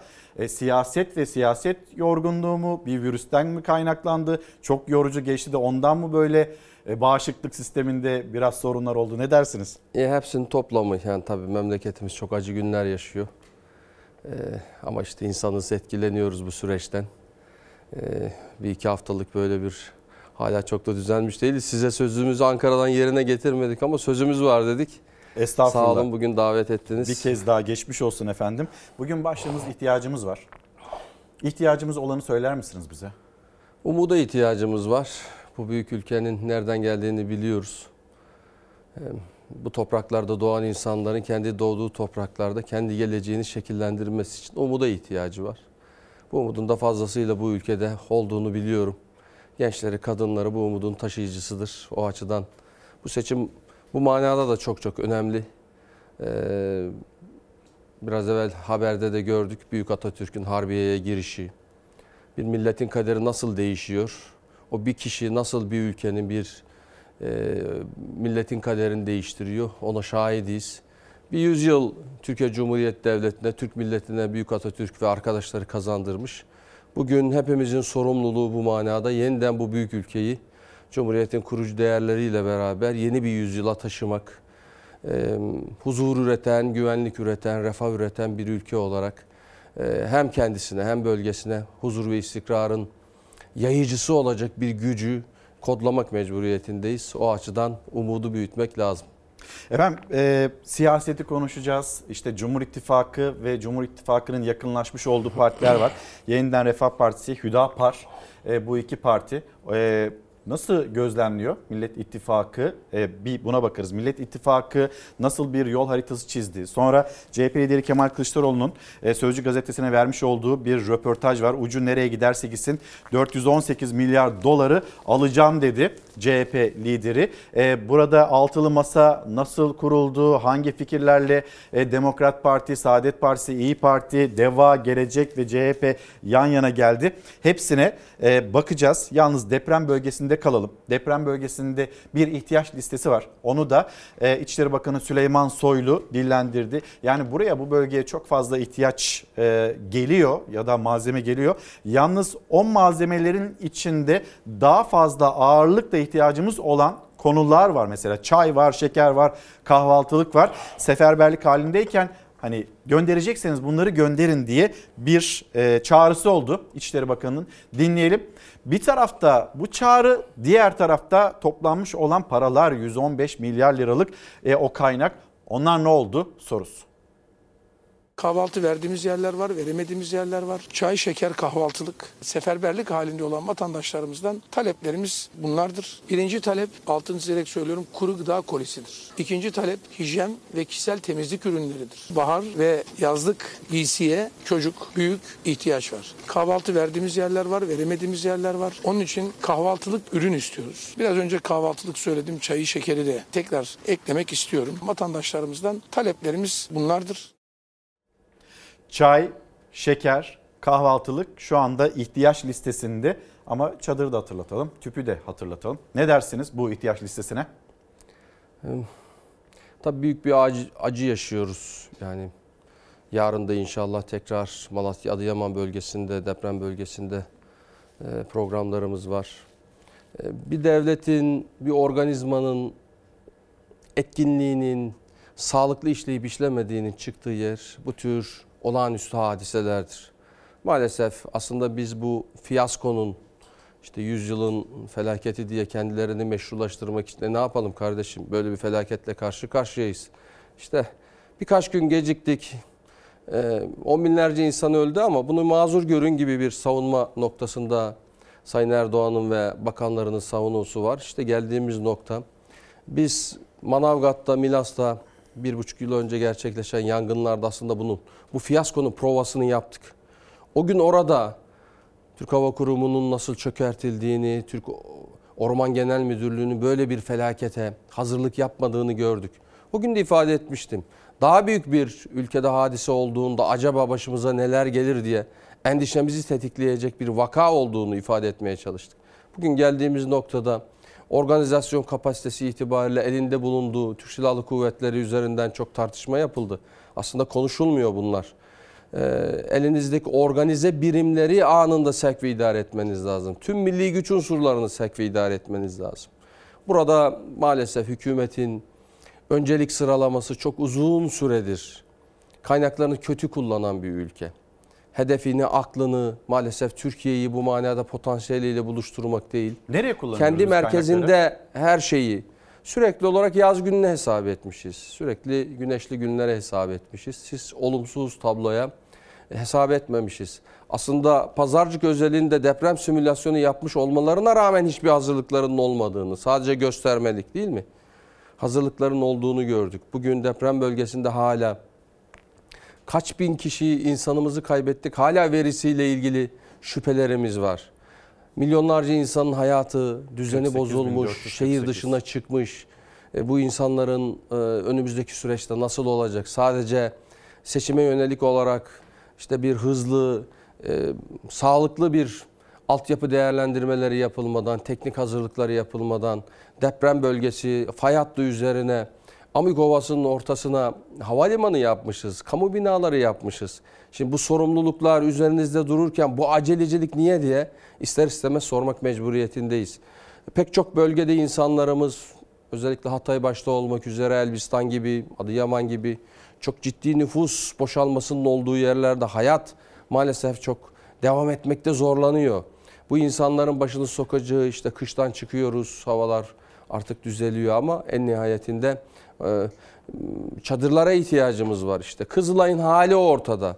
Hani şair Eşref'in güzel bir sözü vardı çok severim. Suları haricinde her yeri akıyor diye. Varlık sebebini inkar etmiş ve devleti Türkiye Cumhuriyeti Devleti'ni nasıl ele geçirmek için 15 Temmuz'da FETÖ ile beraber bir darbe teşebbüsü yaşar hale zeminini ortaya koymuşsanız işte Kızılay'ı ele geçirdiğinizde ne oldu? En nihayetinde netice o can pazarının kurulduğu anda çadırların satıldığı bir iklime getirmişsiniz. Bundan daha büyük felaket olur mu? Hala bir utanmazlık içerisinde bir sorumluluk duygusu duymadan hiçbir yöneticinin en küçük bir nedamet, en küçük bir pişmanlık, en küçük bir sorumluluk duymadan e, hadiselerin üzerinde gidiyor. Israrla ifade ediyorum. Yüreklerimizi sarsıyor ama yüreklerimizle beraber bir daha yaşanmaması için ülkeyi yönetenlerden bir mahcubiyet duymayan bu iktidardaki e, yönetenlerden başlayarak aklımızı sarsmak mecburiyetinde. İstifa yok Kızılay'da. Sadece Kızılay'da değil yani hiçbir kurumunda sanki vakaya adi eden bir hadise olmuş da bunun üzerine e, Sayın Erdoğan işte gittik gördü değil mi? Kırıkhan'da miting yapıyor. Orada e, bütün meselesi deprem anından itibaren bütün algoritmasının işlediği acaba bu sürecin içerisinden seçimin arefesinde ben nasıl zarar görmem? Orada on binlerce insan can verdi sizin e, bu zafiyetiniz, yönetim zafiyeti dolayısıyla, sizin korkularınız dolayısıyla. Şimdi pek çok rivayet var. Savunma Bakanı'na atfen 5'te hazır olduğu Türk Silahlı Kuvvetleri'nin deniz kuvvetlerinden başlayarak değil mi amfibi gemilerinden pek çok hazırlığının e, maalesef Türk Silahlı Kuvvetleri'nin bu manada yeniden dönüştürüyoruz diyerek bütün bağışıklık sistemini yok ederseniz işte bir ülkenin sadece sınırlarını terörle mücadelede e, savunmasını yapmak için değil bu tür anında da en organize gücüne ihtiyaç duyarsınız ama elinizde koca bir iş kalır. Peki helallik isteği acaba Cumhur İttifakı'nı e, sandıkta koruyabilir mi? Haberimiz var. İzleyelim. Görüşlerinizi merak ediyorum. Tüm çabalara rağmen ilk günlerde vaktinde yetişemediğimiz yerler oldu. Sen ne yaptın arkadaş 20 senedir ya? Ne yaptın? Ne yaptın bu deprem paralarını? Hiç mi hesap vermeyeceksin? Nasıl helallik? Ne helalliği? Eğer sıkıntılar yaşadıysanız bize düşen değerli kardeşlerim sizlerden helallik istemektir. Mehmetçiklerimizi ilk anda sahaya göndermediğiniz için insanlarımız enkaz altında donarak, bağıra bağıra öldü. Himayenizdeki Kızılay çadır kurmak yerine çadır sattı. Sayın Erdoğan, bilin ki istifa etmeden helallik istenmez. 11 ilde yıkıma neden olan depremin üzerinden 36 gün geçti. İlk günden bu yana yaşanan eksiklik, aksaklık tartışması sürerken Cumhurbaşkanı Erdoğan Adıyaman'ın ardından Hatay'da da helallik istedi.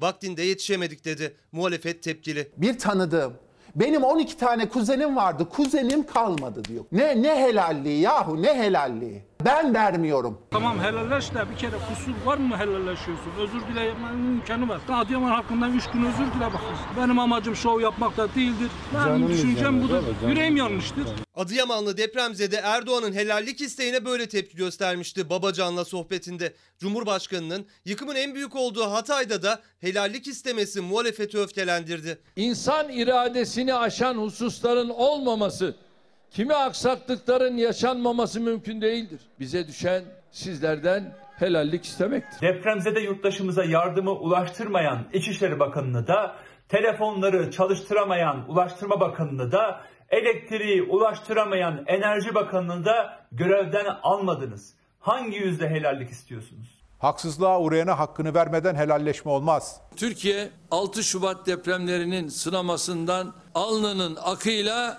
çıkmıştır. Allah bir daha böyle afetlerle bizleri sınamasın. Hele böyle bir iktidarla hiç sınamasın. Cumhurbaşkanı Erdoğan deprem sonrası ilk günlerde arama kurtarma ekiplerinin zamanında müdahale edememesi, yaşanan sıkıntılar, eksiklikler ve aksaklıklar için helallik istiyor. Sonrasında yaraları sardık diyor. Ama muhalefet önce hesap verilsin diyerek tepki gösteriyor. Helallik tartışması sürüyor.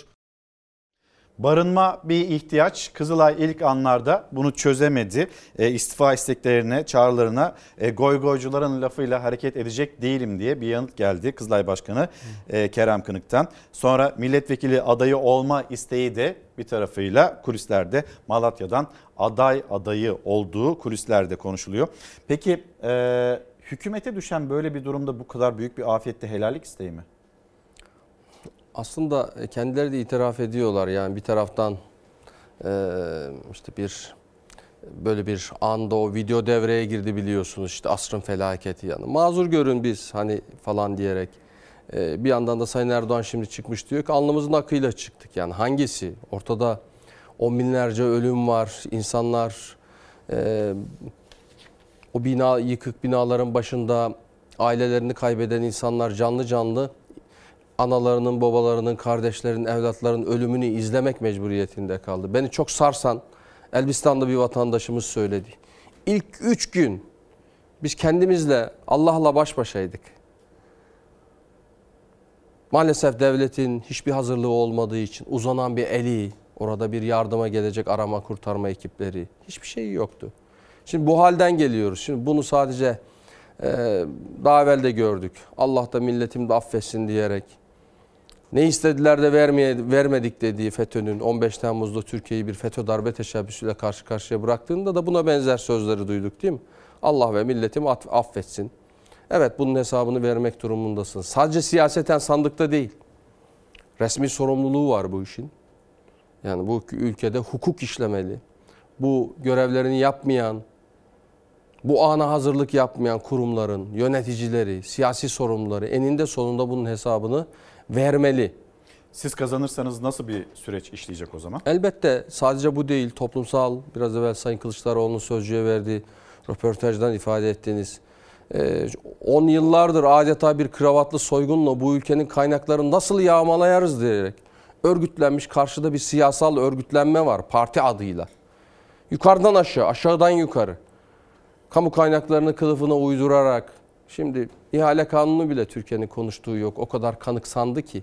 Ama milletimizin kendi kaynaklarının bilerek ve istenerek yağlam, yağmalanmasının hesabını sorulmasını istiyor. Zaman zaman biz çok kuvvetli bir şekilde Demokrat Parti olarak ifade ettik.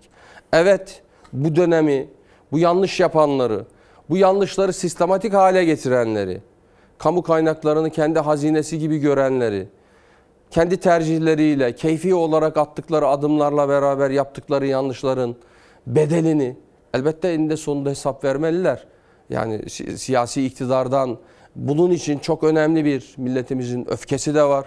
Bu öfkeyi de ifade etmek için Sayın Kılıçdaroğlu her birimizde bunun hesabının sorulması gerektiğini, bundan sonra gelecekler için de emsal olması gerektiğini ifade ediyoruz. Bu kuvvetli talebi her noktada sorumluluğumuzun yettiğince hukuk önünde elbette bu süreci bir kolektif suç inşa edelim de o torbanın içine herkesi dolduralım değil. Suç işlememiş insanların bu ülkede korkması için hiçbir sebep yok. Ee, şimdi hemen ihtiyaç listesi İçişleri Bakanı Süleyman Soylu. Onu bir kez daha hatırlatayım. Ne dersiniz? Yani o kadar para toplandı böyle bir ihtiyaç listesi karşımızda. Yani bu düzeyde bile bir ihtiyacı bugün depremden bunca zaman geçmiş olmasına rağmen hala temin edemiyor olmayışımız. Bir yandan da dönüp devletimize aciz göstermeyin diye propagandalar caka satılıyor değil mi? İşte Sayın Bakan'ın söyledikleri ortada.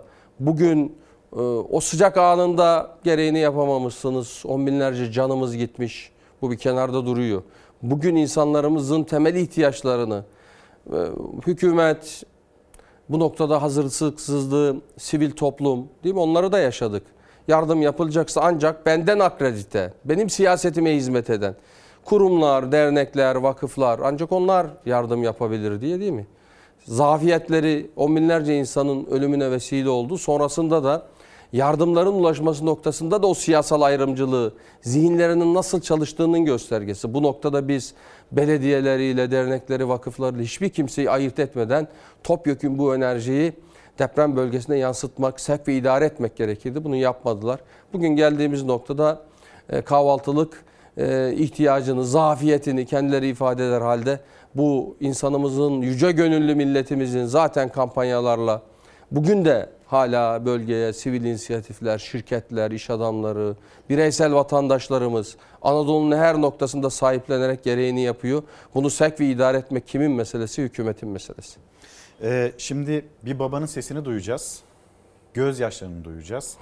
Ee, siyaset helallik istiyor ama bir yandan da enkaz altında günler sonra tabii o mesaj kendisine ulaşıyor. Cep telefonuna düşüyor. Çünkü deprem olduğunda deprem anında iletişim hatları e, çalışmadı. Günler sonra bir babaya mesaj ulaşıyor.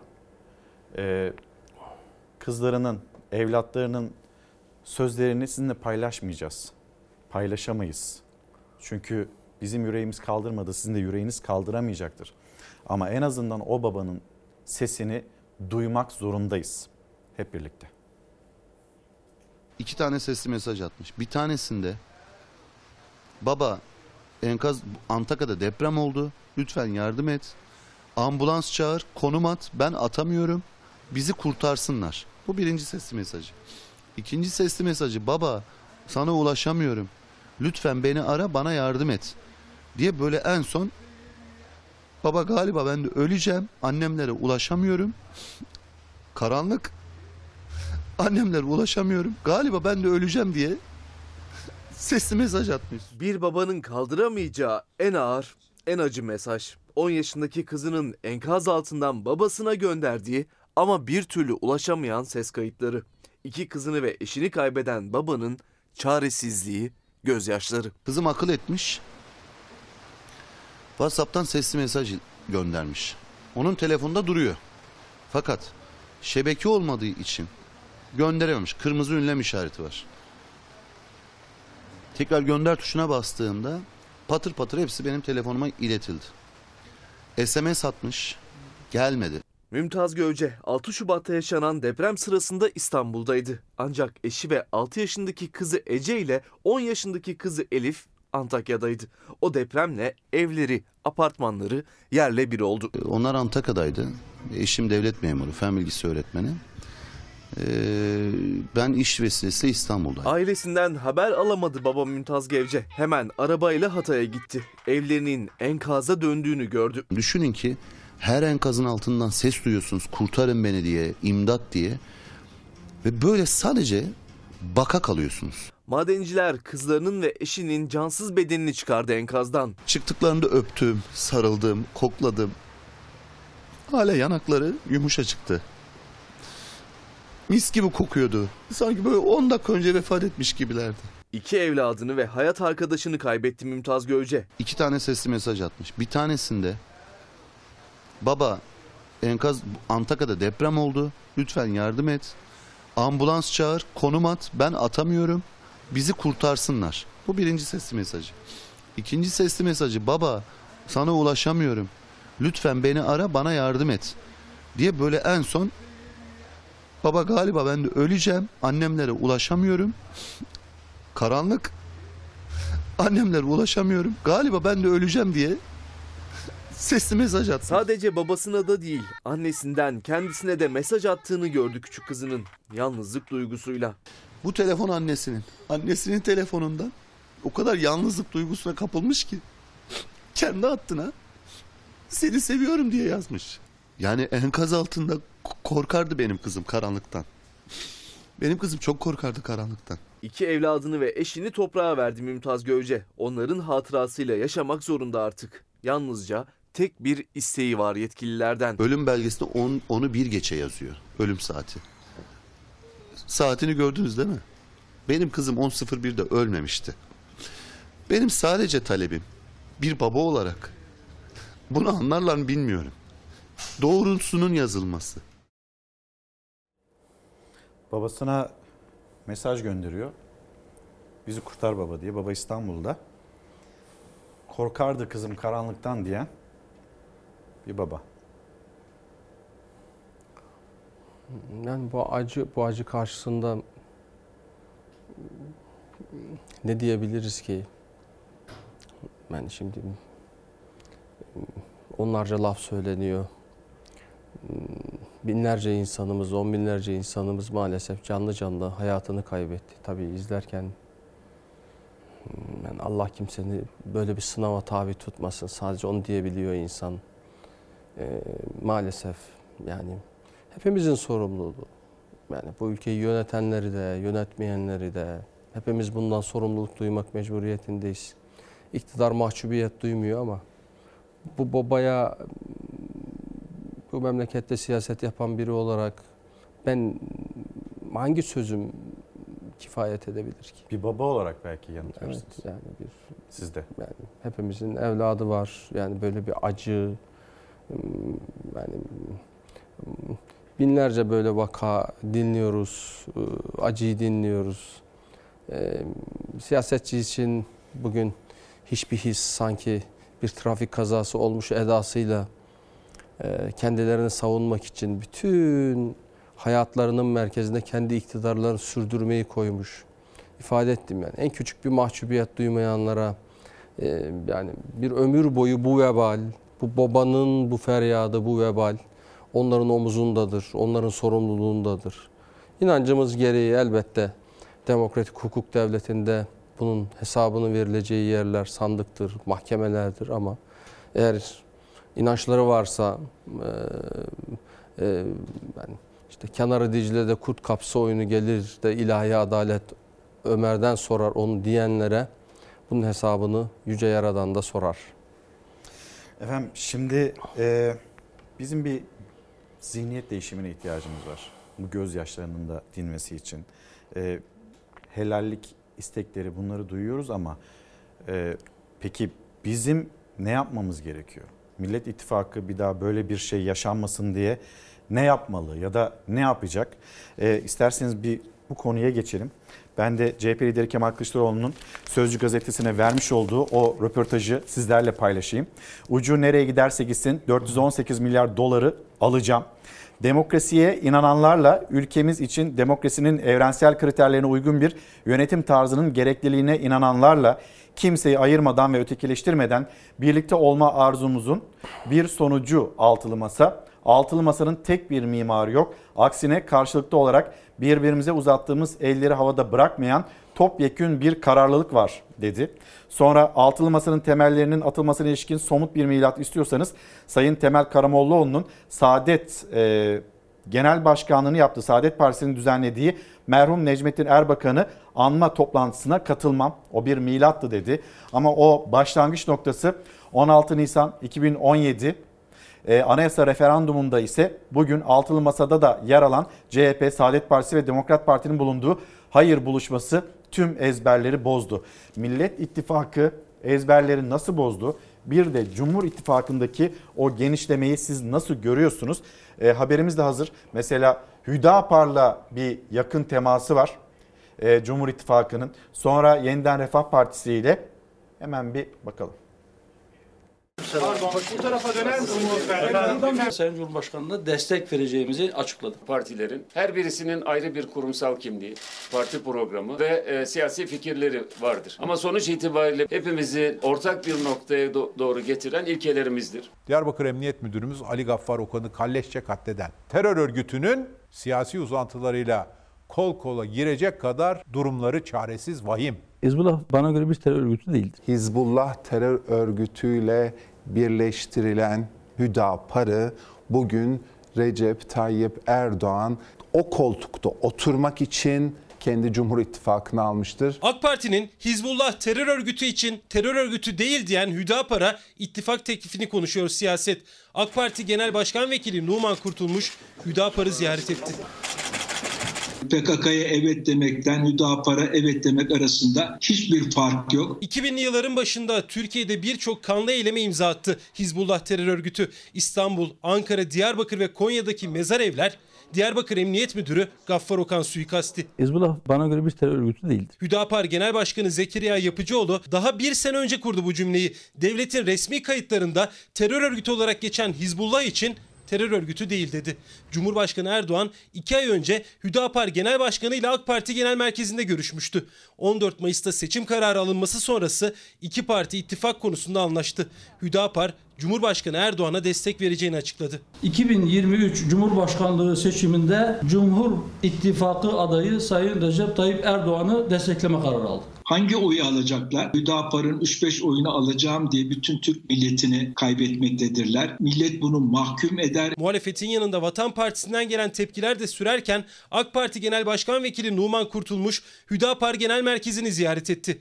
Hüdapar sadece Hizbullah terör örgütüne yakınlığıyla değil parti programıyla da dikkat çekiyor. Türkiye Cumhuriyeti Devleti'ne vatandaşlık bağıyla bağlı olan herkesin Türk olduğu nitelemesinden vazgeçilerek Kürtlerin varlığı anayasal olarak tanınmalı, Türkler ve Kürtler ülkenin asli kurucu unsurları olarak kabul edilmelidir. Hizbullah terör örgütüyle onu desteklediğini açıkça söyleyen Hüdapar'ı bile o binde ikilik oy için almak zorunda hisseden Erdoğan karşısında Milliyetçi Hareket Partisi buna ne diyecek? Bir açıklama yapacak mı? Vatandaşlık tanımının değişmesini istiyor Hüdapar Parti programında. Özerklik ve federasyon için referandum öneriyor.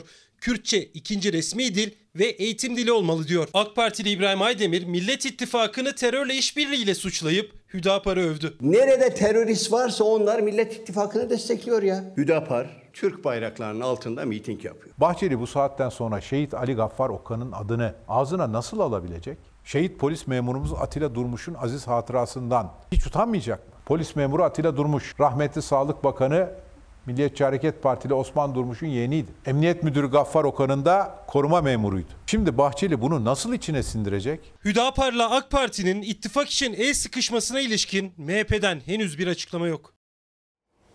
Şimdi bu haberin içinde nerede bir terörist varsa Millet İttifakı'nı destekliyor sözü. AK Partili İbrahim Aydemir. Bir de bir soru MHP Hüdapar'a ilişkin ne der ne söyler? Yani bir çaresizliğin fotoğrafı var. Tabii Sayın Kurtulmuş'u Hüdapar'ı ziyarete göndermeleri de çok anlamlı olmuş. Hatırlarsınız e, Rıza Zarraf'a ödül verdirilen fotoğrafta da Sayın e, Kurtulmuş'u o e, kutlu vazifeyi vermişlerdi. Şimdi öyle bir vazife vermişler anlaşılan. Bunu da kayda geçirmek lazım. Bir çaresizliğin fotoğrafı, hiçbir ölçülerinin olmadığı, hiçbir değer yargılarının olmadığı bir anlayışta Sayın Kılıçdaroğlu da Millet İttifakı'nın temelini ifade ederken bunca yıldır çok sistematik hukuksuzluklara, usulsüzlüklere, yolsuzluklara muhatap olmuş bu ülkede ortak bir yaşam alanını kurmak için demokrasi ve hukuk zemininde bir mücadeleyi kademe kademe örerek bugünlere getirdik. Millet İttifakı ile ilgili ipe sapa gelmez.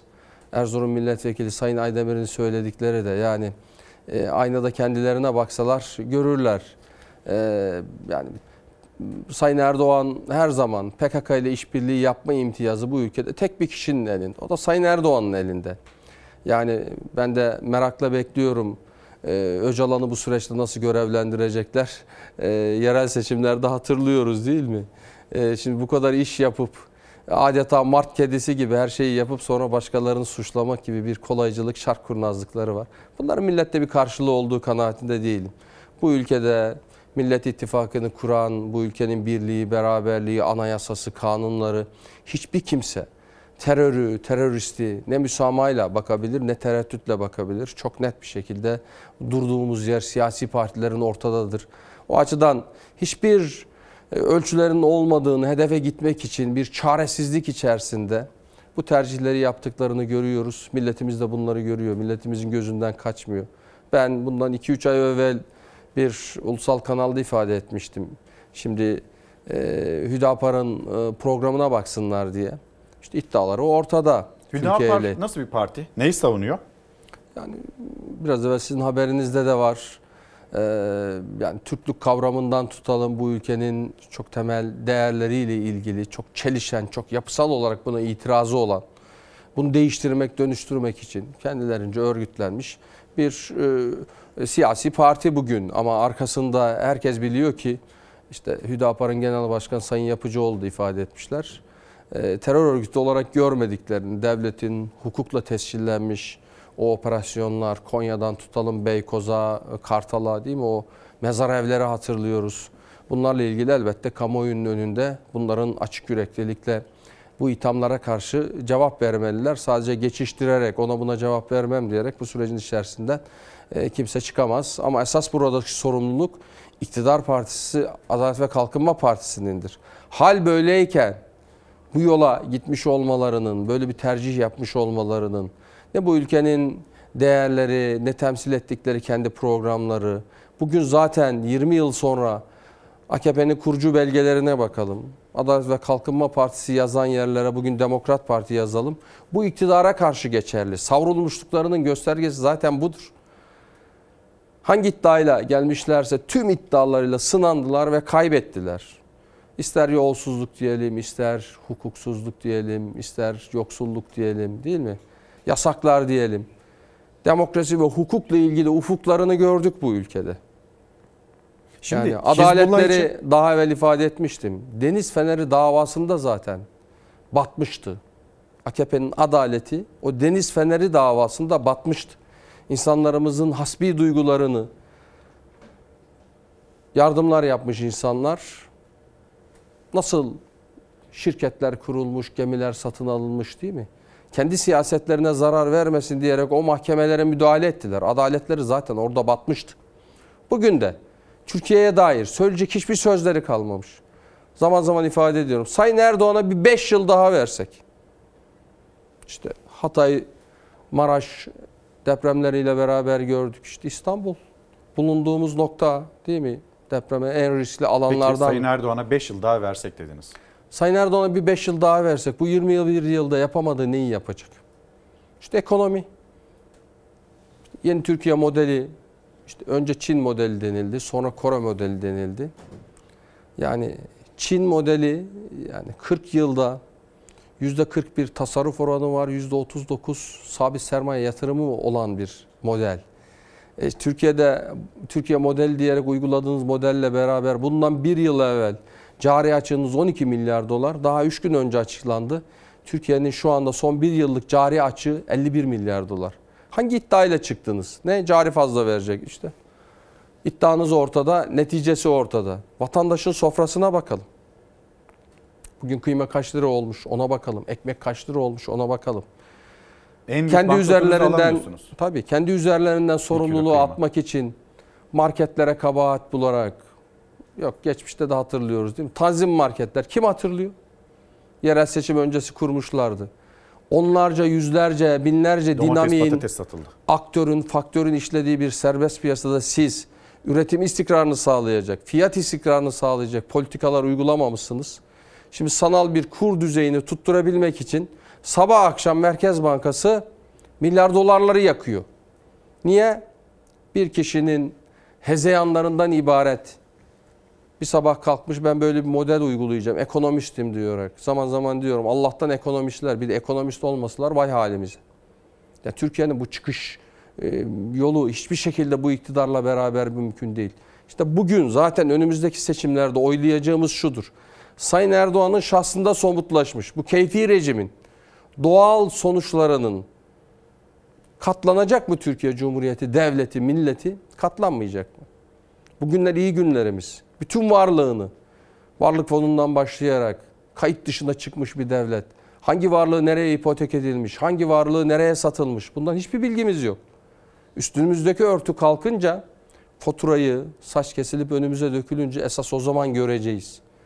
Maalesef bu ülkeyi ele geçirdik mantığı içerisinde hak görenlerin.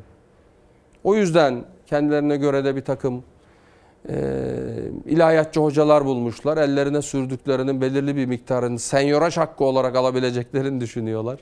Orta çağdaki senyorların hakkı gibi. E, senyor Sayın Erdoğan'ın da hakkı var. Onun da bir hakkı. Eline sürdüğünün belirli bir kısmını alabilir. Bugün geldiğimiz noktada Türkiye dört nala bir felakete gittiğini şu deprem gösterdi. Hepimiz o yüzden sarsmalı ki bu işler yaşanmasın. Efendim şimdi e, Hizbullah terör örgütü değildir diyen, bize göre terör örgütü değildir diyen Hüdapar ile neden bir temas kurar AK Parti? Cumhur İttifakı'nı niçin bu partiyle ve aynı zamanda Yeniden Refah Partisi ile genişletmek ister ki Yeniden Refah Partisi de 6284 sayılı kadını koruyan e, yasayla ilgili muhalefetini ortaya koyuyor ve bununla ilgili de AK Parti e, heyetine ilettik bir itirazları da olmadı diyor. Neden? Yani şu siyasetçiler şu kadının üzerinden elini bir çeksin ya. Her seçim dönemi bu tartışmanın üzerinden bir siyasal alanda rekabet meselesi haline getirecek bir başlık haline getirmekten çıkarsınlar. Türkiye Cumhuriyet gelişiminin ölçeğini, standardını, ölçüsünü kadının toplumsal hayatta, iktisadi hayatta, siyasal hayatta, sosyal hayatta aldığı mesafeyle eşitlemiş. Ve bugün çok önemli yer almış. Bugün metropollerde özellikle hane halkı gelirini artırabilmenizin yolu kadının istihdama katılımından geçmek mecbur geçiyor. İşte rakamlara baksak %33-34, işte erkeğin istihdama katılım oranına baksak 52-53 iniyor çıkıyor. Ortalamasına baksak Türkiye'de iki kişi çalışacak kendi dahil 5 kişiyi finanse edecek. Bu hali ortadayken bu meseleyi bir takım subjektif alanda dini referanslı bir takım tartışmalarla beraber kendi siyasetlerini konsolide etmenin aracı olmaktan iktidar zaten çok sufli bir anlayışla işte İstanbul Sözleşmesi'ni bu toplum toplumun bir or, bir takım ortak kabulleri var. Bugün eğitime erişimden başlayarak akademik hayattan başlayarak kadınımız çok önemli mesafeler aldı. Bununla yetinemeyiz. İşte bu taleplerle bir siyasi partinin bu talebi olabilir. E, kendisini öyle kodlamıştır. Ben bunu doğru bulmam ama kendisini öyle kodlamış. Ee, ama bunun iktidar tarafında kabul görüyor olması e, kendi hedeflerine ulaşmak tek bir varlığı var. Kendi iktidarını korumak. Zaman zaman ifade ediyorum. İşte Millet İttifakı ile ilgili pek çok ithamda bulunuyorlar. Cumhur İttifakı'nın tek bir hedefi var. Bir kişinin iktidarını sürdürmek. Biraz evvel de söyledim. 20 yıl yapamadığınız bir 5 yıl daha size süre verseler hangi sahada Türkiye'ye ne vaat ediyorsunuz? Avrupa Birliği sürecinden tutalım, demokrasiyle ilgili sürece bakalım. Kendi hedeflerine Türkiye'yi biraz daha içe kapatarak gitmek gibi bir niyet ortada. Demokrasi ve hukuk lehlerine işliyorsa kabulleri, bu değerleri içselleştirmiş, bu değerleri benimsemiş falan değil. İşte tağut rejimi diyerek propaganda yapan bir arka plandan Sayın Erdoğan geliyor. E şimdi devlet benim dediği için devleti kutsar hale gelmiş. Elbette bu devlet Türkiye Cumhuriyeti her bir vatandaşımızın. Ama sizin yanlışlarınızı kapatmak için bir aparat değil devlet. O açıdan bu iktidarın tek bir hedefi var. Cumhur İttifakı'nın tek bir hedefi var. Sayın Erdoğan'ın, ailesinin ve şürekasının iktidarını devam ettirmek, bu yaptıkları yanlışlardan hesap vermemek için e, süre kazanmak. Başka bir iddiaları yok. Bu coğrafyada sadece Suriye ile ilgili attıkları yanlış adımın bedelini bile şu deprem vesilesiyle daha fazlasıyla gördük. 10 yıllar boyunca Türkiye'yi çok çeşitli meydan okumalarla karşı karşıya bırakacak bu coğrafyada yapılanmalara ayak attı, ayak verdiniz, adım attınız. Ne kadar maliyetli alternatifler var bütün bunları denediniz. Şimdi işte aramızı düzeltiyoruz. Peki de aranızı bozun diye kim söyledi size? Bu sizin siyasetiniz. Çok temel bir problem var. Türkiye'nin dış politikasında da, ekonomide de, bütün bu alanlarda da Türkiye Cumhuriyeti Devleti'ni ve milletini merkeze alan değil. Adalet ve Kalkınma Partisi'ni Sayın Erdoğan'a merkeze alan, onun iktidarını her şeyin o merkezde değerlendirdikleri için bugün ne kendileri ne Türkiye Cumhuriyeti Devleti, milleti evin yolunu bulamaz halde. Efendim süremiz de azalırken kısacık soracağım. Seçim güvenliği için parmak boyasına siz ne diyorsunuz?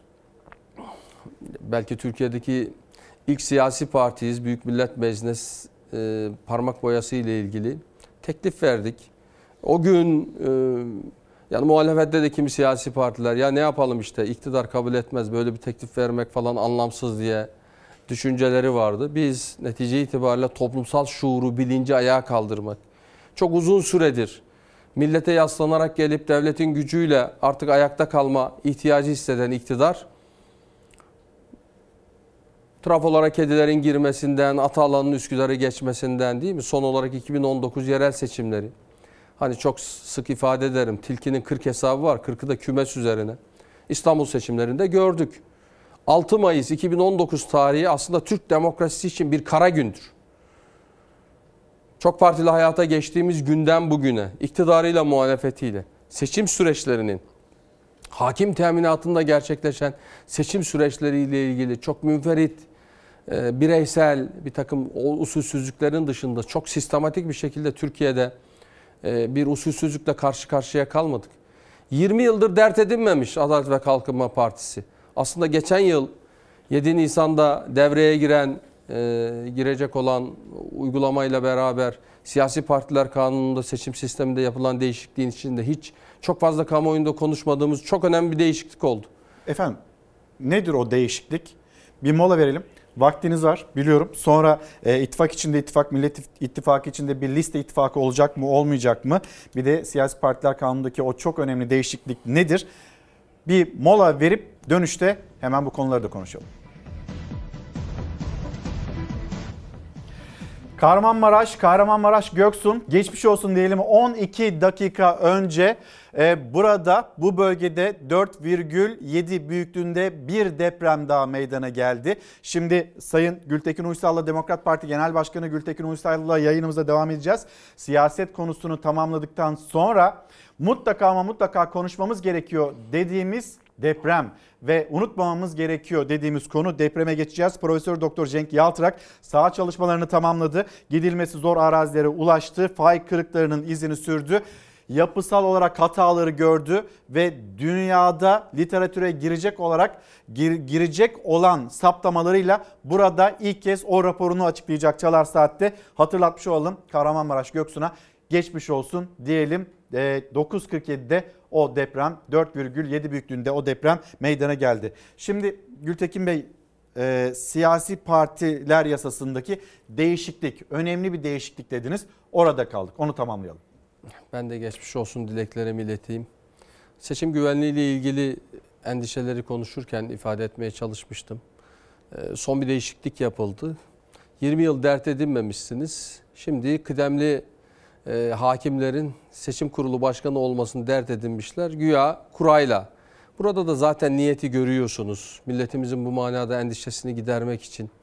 Her bir vatandaşımızın sandığa girmiş iradesinin sonuca etki edecek teminatı partiler başta olmak üzere tüm sivil alanda örgütlenmiş pek çok sivil inisiyatifler de var. Bu süreçte inşallah teminatı olmak için var gücümüzde çalışmak mecburiyetindeyiz. Deprem dolayısıyla milyonlarca insan yerinden olmuş. Elbette onunla ilgili çok ciddi e, sıkıntılar var. E, bütün bunlara rağmen iktidarın bir aceleciliği var. e, yargıyı yürütmenin şubesi haline getirerek bu seçimin üzerinde bir gölge düşürmek için özel bir gayretleri var. Ama ben en nihayetinde bugün her bir vatandaşımız artık yayıncı olanı biteni İstanbul'da seçimlerde gördük. Her bir sandığa 2019 yılında yenilenen Büyükşehir Belediye seçiminde matbu itiraz verdirdiler ki seçim kurullarında tekrar manipüle edebilelim. Ama en nihayetinde 800 bin gibi fark çıkınca bunun üzerine gitmediler. Evet şimdi şu konuyu da tamamlayalım. Millet İttifakı içinde e, bir ittifak daha olacak. Mesela DEVA, Gelecek, Saadet Partisi e, hatta belki Demokrat Parti böyle bir dahliniz de olacak mı? Bu ittifak konuşuluyor. Liste ittifakı konuşuluyor. Siz Demokrat Parti olarak e, CHP çatısı altında mı e, yer alacaksınız? Listelerinde mi yer alacaksınız CHP'nin? Konuştunuz mu? Nasıl bir planlama var? Parlamentoda daha güçlü, daha sayısal olarak daha fazla olabilmeniz için. Eşgüdüm içerisine giden iki seçim var. Ee, elbette siyasi partilerin varlığı yürütmeye talip olmaktır. Siyasi rekabetin sıklet merkezi yürütme, Cumhurbaşkanlığı seçimine odaklı hale geldi bu süreçte. Ama beraberinde bir sistem değişikliği teklifini milletle taahhüt olarak ortaya koymuş bir ittifak olarak da Büyük Millet Meclisi'nde nitelikli eşikleri, nitelikli bir temsiliyet üretmek için akıl üretmek gerekir. Biraz evvel konuştuğumuz seçim güvenliğini ilgilendiren kıdemli hakimlerle ilgili değişikliğin yapıldığı o değişiklik sürecinde DONS sistemin uygulaması ile ilgili de iktidar bir değişiklik yaptı. 2018 seçimlerine giderken bu ittifak modeline muhalefet meclisten kanun geçirerek Türkiye'nin gündemine getirmedi. İktidar getirdi. Bugün bakıldı ki aleyhlerine işliyor. Burada bir değişiklik yapıldı ama böyle bir koridora girmişseniz hangi adımı atarsanız atın bunlar nafile çabalardır. Ben iktidarı kurtaracak hiçbir demokratik formülün olmadığı kanaatindeyim. Bu noktada Millet İttifakı'nın hem ortak cumhurbaşkanı adayıyla hem beraberinde en etkin temsiliyet üretecek formülasyonları tabi bunları uydurabilmek çok da kolay değil. Çok aktörlü ama en nihayetinde milletimizin bir iradesi ve beklentisi var. Bu manada ittifak içi ittifaklar da e, listelerin verileceği güne kadar bütün bunlar her siyasi parti kendi simülasyonunu, kendi değerlendirmesini yaparak bir tercihte bulunacak. Demokrat Parti olarak biz de bu süreç içerisinde nasıl bir etkin neticeye katkı sağlarız? Bunun için kendi değerlendirmelerimizi yapıyoruz. Bu hafta sonu hem Genel Kurulumuz hem il başkanları toplantımızda belirli tercihlerimizi yapacağız. Ee, öngörünüzü sorayım. Öyle tamamlayalım. Seçim ilk turdan mı bitecek, ikinci tura kalacak mı? Ben toplumsal enerjiyi görüyorum milletimizin. Hele hele bu depremin altında kalmış bir iktidar var. Her şeyiyle kalmış bir iktidar var. Tüm iddialarıyla sınanmış ve kaybetmiş bir iktidar var. İstediğiniz kadar üzerini örtün. Biraz evvel haberde verdiğiniz o babanın, o feryadının hiçbir şeyle onu e, ona cevap veremezsiniz. Yani bu vaka ortada. 10 yıllardır Türkiye'nin kaynaklarının öncelik sıralamasını doğru yönetmediniz. Bugüne getirdiniz. Yarınlara dair bu ciroladığınız riskleri seçim gününe kadar elde ne kadar varlık varsa bunları ipotek altına vererek bu süreci popülist bir takım uygulamalara geçirmek gibi bir niyetiniz var ama bu deprem yüreklerimizi sarstığı kadar tekrar başa dönelim. Aklımızı sarsmalı, zihniyetimizi dönüştürmeli. Efendim teşekkür ederim. Ben Geldiniz, teşekkür katıldınız. ederim. Çok. Demokrat Parti Genel Başkanı Sayın Gültekin Uysal ile konuştuk. Millet İttifakı eğer kazanırsa kendisi Cumhurbaşkanı yardımcısı olacak isimlerden birisi. Şimdi deprem bölgesine gideceğiz. Deprem bölgesindeki çocuklar ya da işte deprem bölgesinden diğer şehirlere gitmiş olan çocuklarımız onlara moral vermeye çalışıyoruz.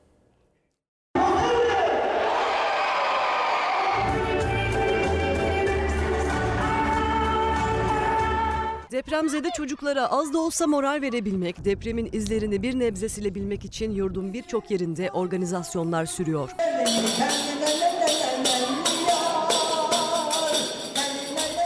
Hayatlarının en korkunç günüydü 6 Şubat. Ailelerini, arkadaşlarını yitirdiler. Kimi evlerinden uzak şehirlere yerleşti, kimi çadır ve konteyner kentlerde yaşıyor. Deprem bölgesini terk ederek aileleriyle Batman'a sığınan depremzede çocuklar Batman Üniversitesi'nin etkinliğinde güzel bir gün geçirdi. Süper kahramanlar eşliğinde eğlenen çocuklara hediyeler verildi. Birlikte oyunlar oynandı.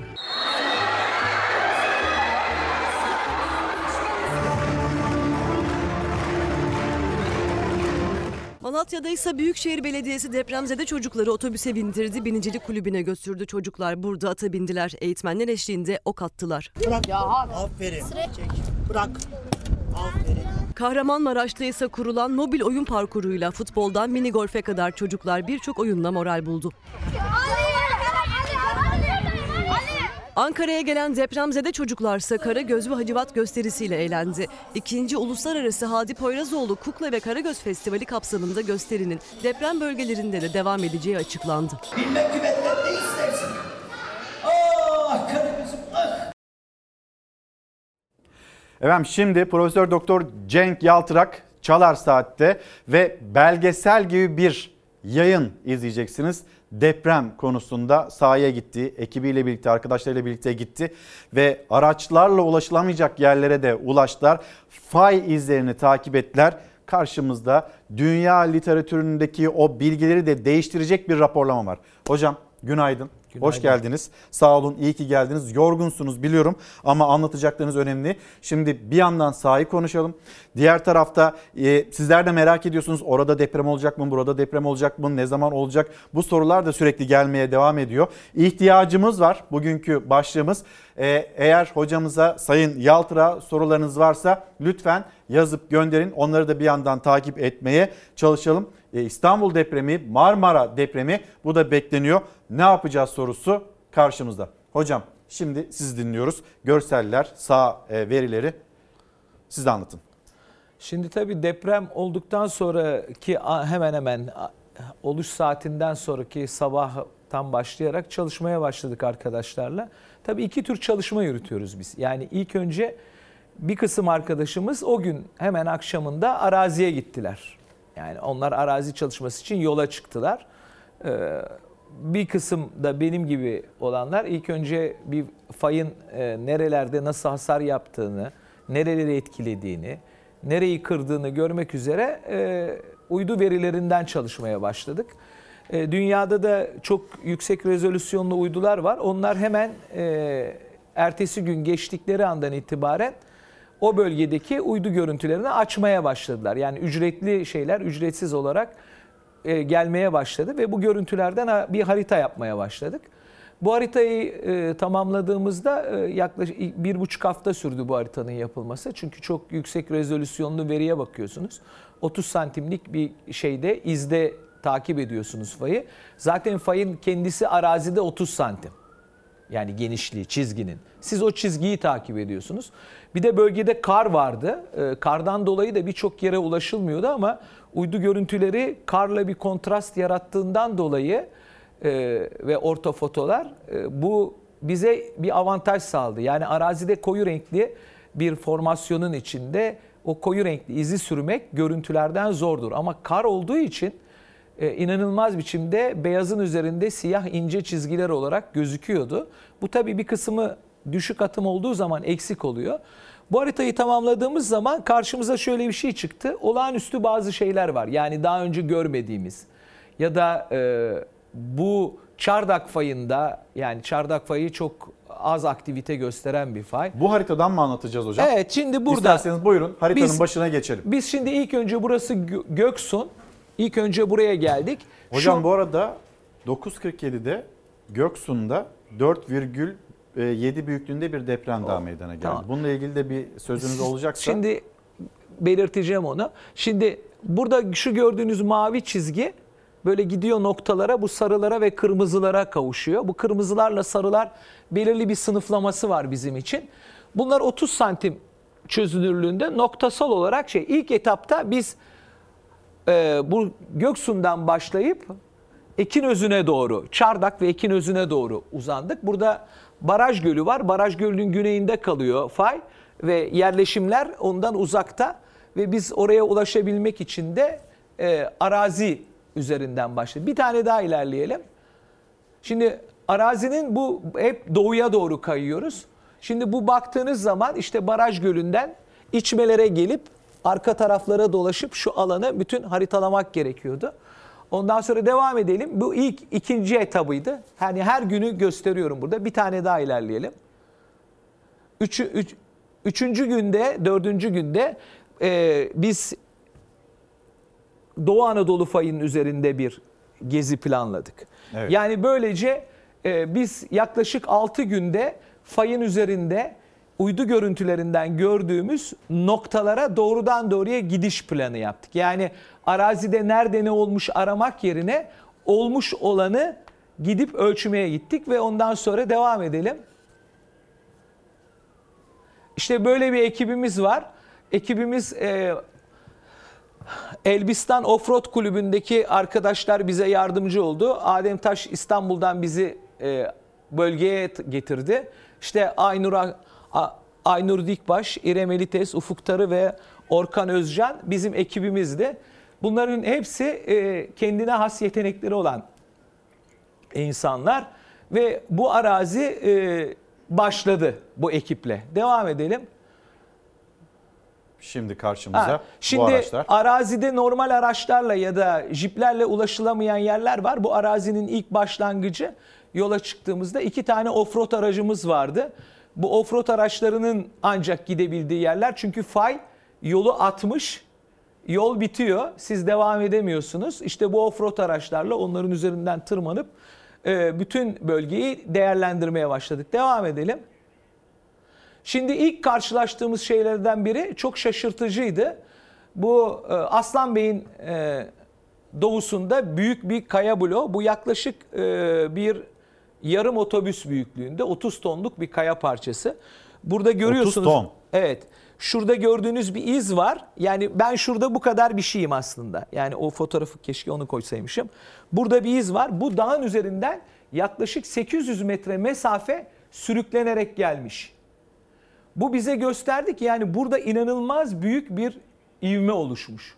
Yani alet yok burada ivme ölçer ama bu blok gösteriyor ki e, buradan hızla gelmiş. Sonra görmeye başladık ki arazide bu tür çok sayıda büyük kaya parçası yuvarlanmış, mezarlıkların üzerinden geçmiş. Fakat ilginç olan şuydu, aynı bölgede binlerce yıl önce oraya yuvarlanmış kayalar da vardı. Yani artık üzerine ev yapılmış, örtülmüş, üzerine mezar yapılmış bu tür kayalar da vardı. Bu da gösterdi ki bize aslında bu fayda, bu tür ekstrem olaylar hep olmuş. Yani bu ilk defa olan bir olay değil. Bu fayın Şurada ev olsa, burada bir yerleşim Tabii. olsa üzerinden Şimdi bu 30 orada da kayalar. orada da orada da ilginç geçecek. bir şey. Kadim bir bilgi var herhalde. Evlerin bulunduğu yerlerin hemen yanlarında bu kayalar. Evlerin bulunduğu yerler genellikle bu kayaların olmadığı yerler. Yani evi yaptıkları yerlerde bu kayaları istememişler. Aralarında bir yere yapmışlar. O evlerin üzerine kaya düşmemiş ama iki tarafında köyün giriş çıkışı kayalarla dolu. Yollar kapanmış. Devam edelim. Şimdi baktığımız zaman yani kırığın bu yüzeydeki izi bunun nasıl bir şey olduğunu anlaması insanların pek güç. İşte burada İrem duruyor. İrem'in boyu buranın boyu. Bakın İre- İrem'in neredeyse iki katı kadar. Ve burada bir yol var. İrem kenarında duruyor. Bakın o yolu bu tarafta göremiyoruz. Şurada bir yerde uçurumun kenarında. Yani yolu almış götürmüş. Mesela burada bakın şurayı doldurmuşlar hemen çünkü su getirmek gerekiyor. Şurada görüyorsunuz bizim arabamız arkada kalıyor. Buradan gelmiş geçmiş şu dağın üzerinden devam ediyor. Ya da arazide böyle bir sürü çapraz kırıklardan oluşuyor. Ve bütün bahçeler, bütün dereler her yer ötelenmiş. Her yer yer değiştirmiş.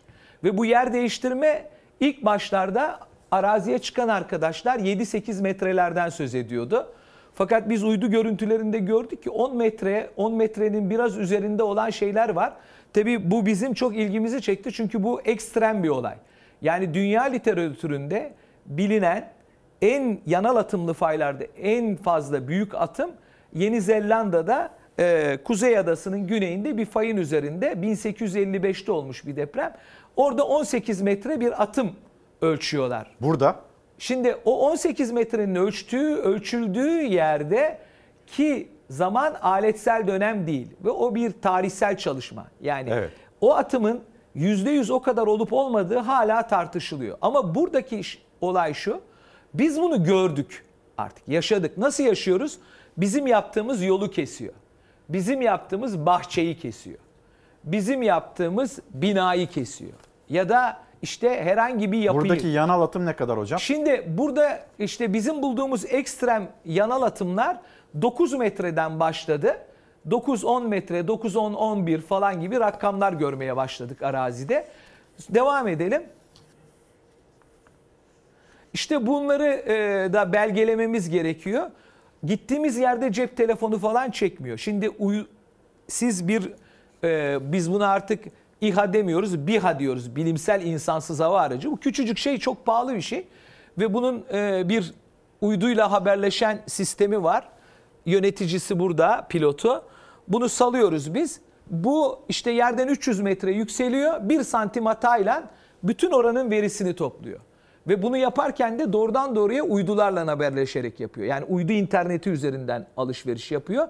Ve böyle bir aletiniz olmadığı zaman e, sizin onu sayısal olarak belki drone görüntüsünü çekebilirsiniz ama matematik bir ifadeye dönüşmüyor. Onun için bunun sayesinde biz çok fazla yürümeden gittiğimiz o hedef noktaları hızlıca 15-20 dakikalık uçuşlarla haritaladık. Yani bu çok hızlı bir metot. Yani bunu normalde bundan 5 yıl önce gidiyordunuz orada ölçülü aletleri falan var. Günlerce ölçüyordunuz küçücük bir yeri. Şimdi öyle değil. Hocam Devam. bir önceki fotoğrafa gelebilir miyim? Gelelim. Fotoğraflar dizisine. Ee, şunu sorayım öyle tamamlayalım. Şimdi biz e, alivyona, ovaya, dere yatağına ev yapmamalıyızın aslında bir fotoğrafı bu. Yok. Şimdi, bu onun fotoğrafı Ama değil. yumuşak Aslında- bir zemin. Hayır bu yumuşak zemin değil. Bu dağın, Ne bu? Bu dağın başı aslında. Dağın başı. Tabii bu şimdi mesela burada bilinen şey, e, burada bir toprak örtü var. Bunun altı kayalık. E, biz esas fay şuradan aşağıdan geçiyor haritalarda. Haritada öyle. Haritada bunun altından geçiyor ama bu bunun üstünden geçti. Şimdi bu fayın bu iki depremin yani iki gün olan dep yani sabah ve gece ve sabah olan gün depremin e, bir özelliği var. Fayın kendi haritasını kendisi yaptı. Daha önce bir insanların yaptığı harita vardı. Sonra kendisi kendisini belli etti ve dedi ki ben sizin çizdiğiniz yerde değilim. 150 metre ile 3 kilometre arasında başka bir yerdeyim ben. Bu tabii çok şeyi değiştiriyor aslında. Yani siz 1 bölü 25 binlik bir haritayla Türkiye'nin aktif... Biz bu fayı bilmiyorduk. Fayı biliyorduk ama Biliyor yerini muyduk? bilmiyorduk. Yerini Yerini doğru bilmiyorduk. doğru bilmiyorduk. Yani yeri yeri başka bir yerdeydi. Çünkü Şu aşağıda bir yerde Ha, tamam orada belirli metotlar var. O metotlara göre yapılıyordu bu harita. Onun için değişiyordu. Şimdi bu tabii neyi getiriyor? Biz yani e, belirli bilimsel kurallarla belirli ölçeklerde haritalar yapıyoruz. Fakat bu çalışma gösteriyor ki artık o metotlar geride kaldı. Yani neden geride kaldı? Siz arazide ilk gidip günlerce 20-30 gün bunları ölçmeye çalışıyorsunuz. Bu noktaları bulmaya çalışıyorsunuz. Oysa bir metot var. 10 gün oturuyorsunuz laboratuvarda. Bunu santim santim haritalıyorsunuz.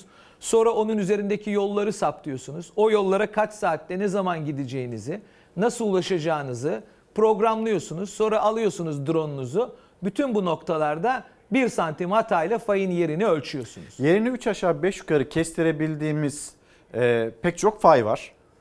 İşte bu O hassasiyet... faylara da ne kadar yakın yerleşim yerimiz var? İşte yani şimdi burada bu aslında büyük kendisi bir ezberi bozuyor. Neye ezberi bozuyor? Ee, şimdi siz yerleşime uygunluk ve fay yasası çıkartacaksınız.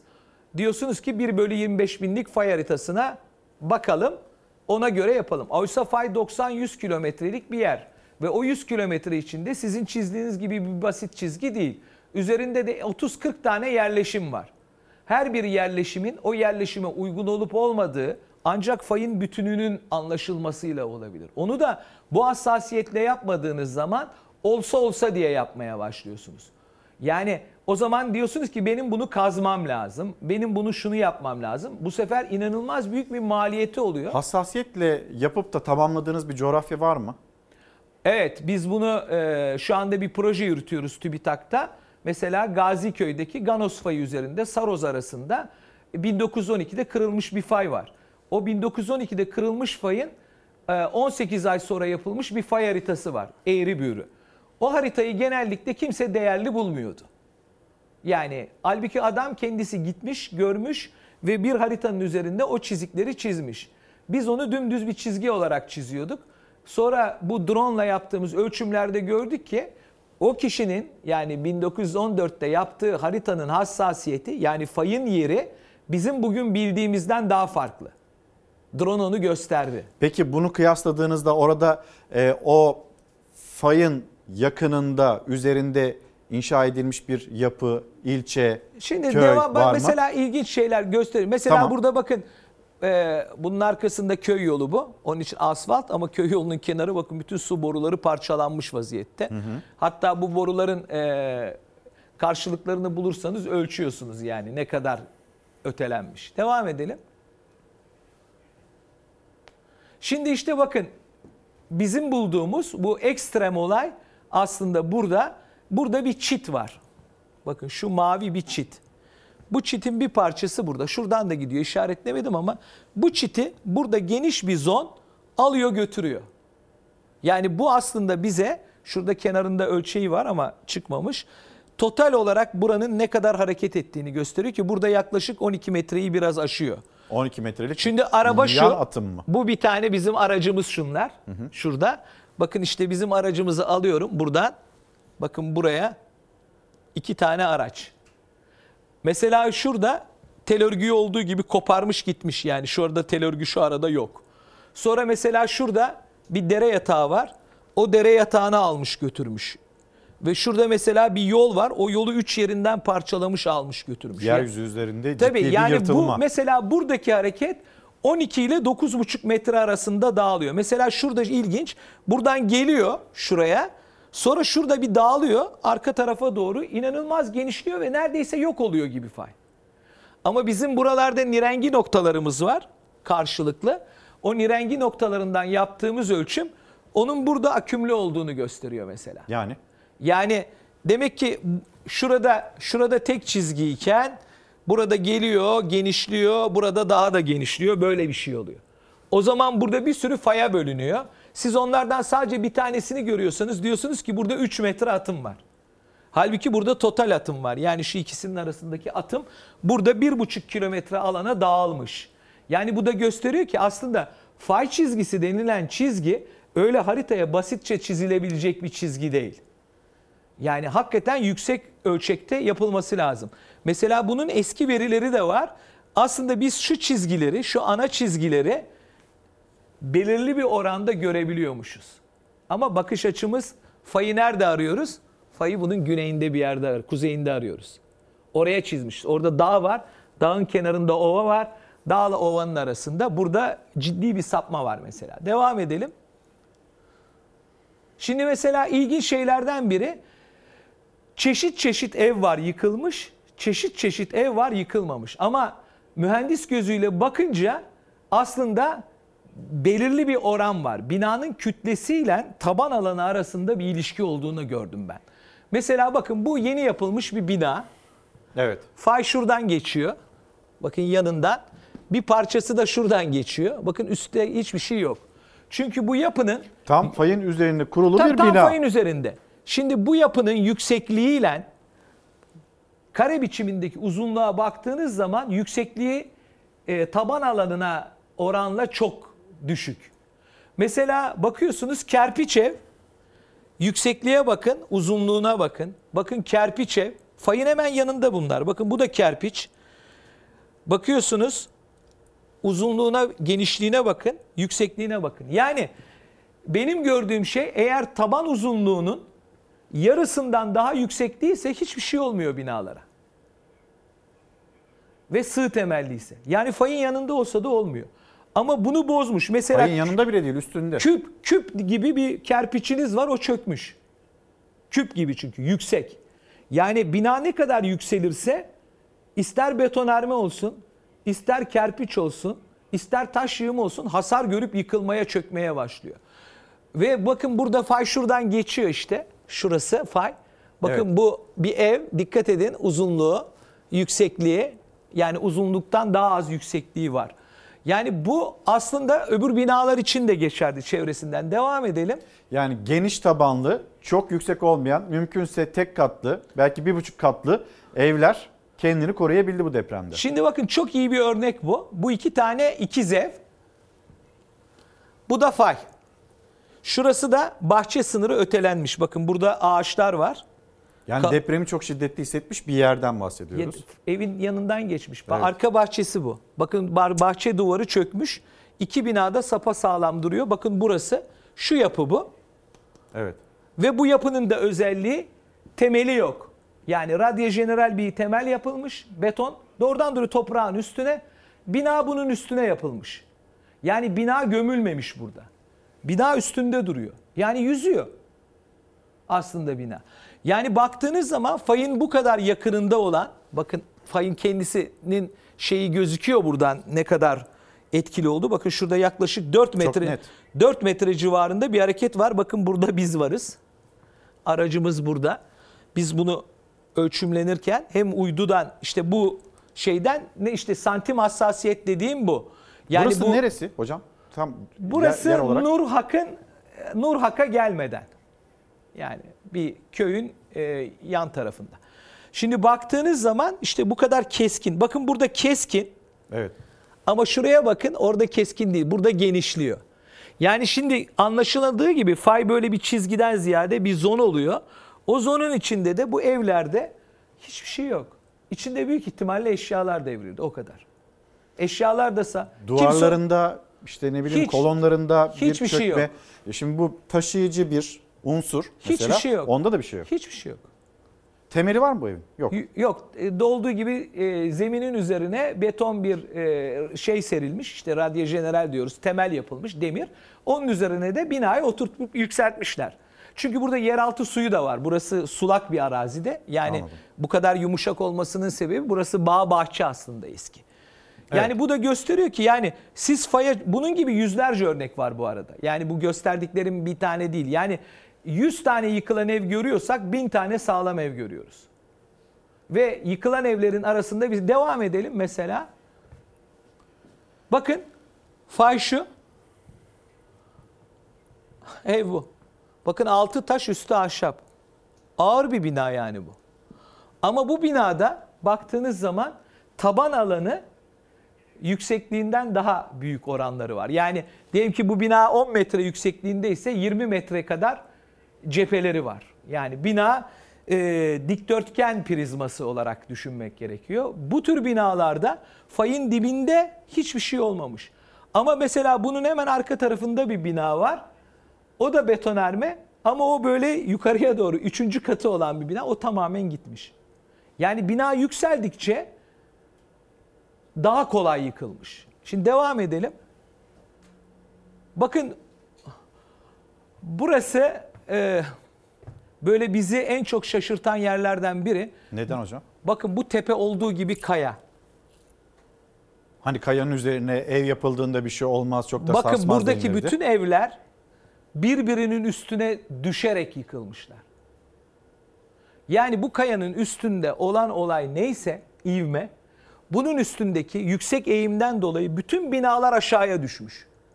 Yani şuradan üstüne devrilmiş. Bakın bir tanesi benim dediğim gibi oranı sağlam, bina sağlam olarak düşmüş.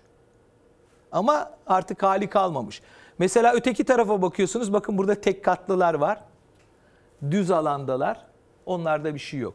Ve yani bu köyler bakın tuz buz olmuşlar yani. Siz buraya gittiğinizde yardıma e, zamanında ulaşılmış mı, ulaşılmamış mı? Köylerle konuştuğunuzda ne dediler? Şimdi burada şöyle bir şey var. Aslında kış olmasının bazı avantajları olmuş. Köylerde çok az insan var. Yani bunlar genellikle kentlerde ya da memleketlerinde köyde olanlar işte hayvanlara bakanlar, işte oradaki ok, ok, ok, okul çocukları orada okuyanlar, işte orada yaşayabilenler. Yani kentlerde değil de hayatını köylerde sürdürenler. Onun için onların birçoğu birinci depremde bu faydaki etkisi daha şey olduğu için bir kısmı kendini dışarı atabilmiş. ikinci depremde yıkılanlar var. Yani o şeylerde e, içinde. Fakat tabii bazı yerler var ki e, yani oraya buraya mesela şu tepeye kim gelecek ne yapacak yani? Yani bu öyle bir şey değil. Yani şimdi mesela ben biraz eleştirel bakıyordum gittiğinde. O yapılmadı, bu yapılmadı. Hayır. Ee, şu- bu işlerle başa çıkabilmemiz için en başta yani hasta öldükten sonra konuşmanın alemi yok. İş Hasta ölmeden ne yapacağımızı bilmekti. Yani bu ülkede maalesef bunu başarmak çok zor. Şimdi siz diyorsunuz ki ya bir toplantıya gittim ben. İşte bakanlık çağırdı, davet etti. İlk toplantıya katılamadım çünkü arazideydim. İkinci toplantıya katıldım. İkinci toplantıda komisyon kuruldu. Siz diyorsunuz ki komisyonda ya işte bizim Japonya'daki gibi aktif fa- fay merkezimiz olsun ya da USGS gibi bir şey olsun. Buna binlerce kişi istihdam edilsin. Bu işler araştırılsın, ivmeler hesaplansın, modeller yapılsın, senaryolar. Diyor ki işte X kurum var efendim bu işi yapıyor. X kurumun müdürü yanımda oturuyor. Diyorum ki kaç kişi var sizde bunu yapan? 10 kişi. 10. Diyor ki öteki kurum var. Peki öteki kurumda kaç kişi? 10 da orada oldu 20 kişi. Peki kaç tane fay? Karadeniz beraber 600'ün üzerinde aktif fay var 10 kilometreden uzun. Şimdi 20 kişi 600 fayın üzerinde iş yapacak. Nasıl yapacak hocam diyorum. Diyor ki üniversitelerden hizmet alımı yapar. Bu inanılmaz sektör bir bakış açısı. Yani bunun hükümetle falan şununla bununla alakası yok. Bir bakış açısı bu. Zihniyet. Diyor, diyor ki bu fay yasası önemli. Hocam diyorum fay yanlışsa yasası da yanlış olur. Yani fayları doğrulayalım. Efendim diyor biz yıllardır fay haritası yapıyoruz. Siz kaç metre harita yaptınız? Ya diyorum ki Sayın Genel Müdürüm sizi yanlış bilgilendiriyorlar. Ben Anadolu'da son 10 yılda 58 bin kilometre yol gittim. Fay haritası yaptım. Şu proje, şu proje, şu proje sayıyorum. Demek ki sizi doğru bilgilendirmediler demek zorunda kalıyorsunuz. Halbuki bunlara gerek yok. Mesela kurumlar inanılmaz derecede savunmaya geçiyorlar. Fay haritası diyor ki yanlış dediniz. Harita yanlış değil. Tamam 1 bölü 25 bindikte yanlış değil. Ne diyelim? Hatalı mı diyelim? Yok onu demeyelim. Eksik mi diyelim? Onu da demeyelim. Ne diyelim? Efendim bunu kapalı kapılar ardında konuşalım. Hayır efendim milletin önünde konuşalım. Ben 2006'da Sivas'ta bu haritaların bu metotlarla yapılmayacağına dair o yetkililerle ciddi bir tartışma yaşadım ve de o haritanın altına bizim oradaki aktif tektonikçiler sayesinde bu harita yerleşim ve şeyde kullanılamaz fikir vermek içindir. Şimdi siz fikir vermek için kullanılan bir haritayla bir sürü plan yaptırdınız kamuya, belediyelere. E şimdi bu, bu E hata... boşa mı gitti yani? Hayır bu hatalar çıkıyor işte ortaya. O gün bu mantıkla değil de benim Yani dediğim mantıkla, gitti. bizim dediğimiz mantıkla baksaydık. Bizim iddiamız o zaman şuydu. Dedik ki ya Türkiye'nin bölgeleri var. Ma- işte 500 binlik paftalar var. Marmara bölgesini İTÜ'ye İstanbul Üniversitesi'ne verin. İşte efendim Zonguldak paftasını Sakarya Üniversitesi'ne, Hocam İzmit'e o verin. zaman şimdi biz işte Marmara depremi, İstanbul depremi bekliyoruz. İşte şimdi bu zaten çırpınmam ondan. Yani çırpındığım şey diyoruz ya işte biz Tesla'yı Tesla gibi düşünüyoruz. Otomobilimiz otonom her şey olsun. Ama insanlar hala diyor ki orada Rolls Royce Mercedes garajda duruyor kötü araba mı? E kötü değil de o orada kaldı yani. Burada kalanı yapmak lazım. Kötü devam değil de edelim. reklama giriyor işte bir yandan De- da hocam. de- devam edelim. Tabii kötü öğrenci oluyorsunuz. Yani buna itiraz ettiğiniz için kötü olur. Bakın devrilmiş. Bakın iki katlı. Bu iki katlı bataklığın üzerinde. Burası bataklık. Bakın kaç katlı? 1, 2, 3, 4, 5, 6. 6 da dükkan 7. Sığ temel devrilmiş. Şimdi bu niye devrilmiş biliyor musunuz? Eski göl tabanı burası. Ama göl tabanının üzerine zamanla alüvyal yelpaze denilen çökeller gelmiş. Siz orada 10 metrelik etüt yapmışsınız. O etüde göre bina tasarlamışsınız. Ama onun altı lapa bütün binayı devrilmiş. Bu caddedeki bütün binalar devrilmiş neredeyse. Yani bina sağlam. Hiçbir şey yok. İşte orası burası ama daha Allah'tan kimse taşınmamış. Şuna bağlayanlar da oluyor. Bir daha da böyle bina yapılmayacak diye işte şu çıkıntılara bağlayanlar oluyor. Hiç çıkıntıyla alakası yok. Bu kendi temelinin üzerinde duramamış bu bina. Çünkü çok yüksek. Yani hani söylüyorum ya ivme. İvmeyi, ivme burada önemli. Kütleniz var. Kütle ile ivmeyi çarptığınız zaman sizin karşılaştığınız kuvvet bu. Bakanlık toplantısına gittiniz. Bir yandan da biz bölgede hızlı bir şekilde o e, evlerin, konutların da yapıldığına tanıklık ediyoruz. E, acele etmeyin.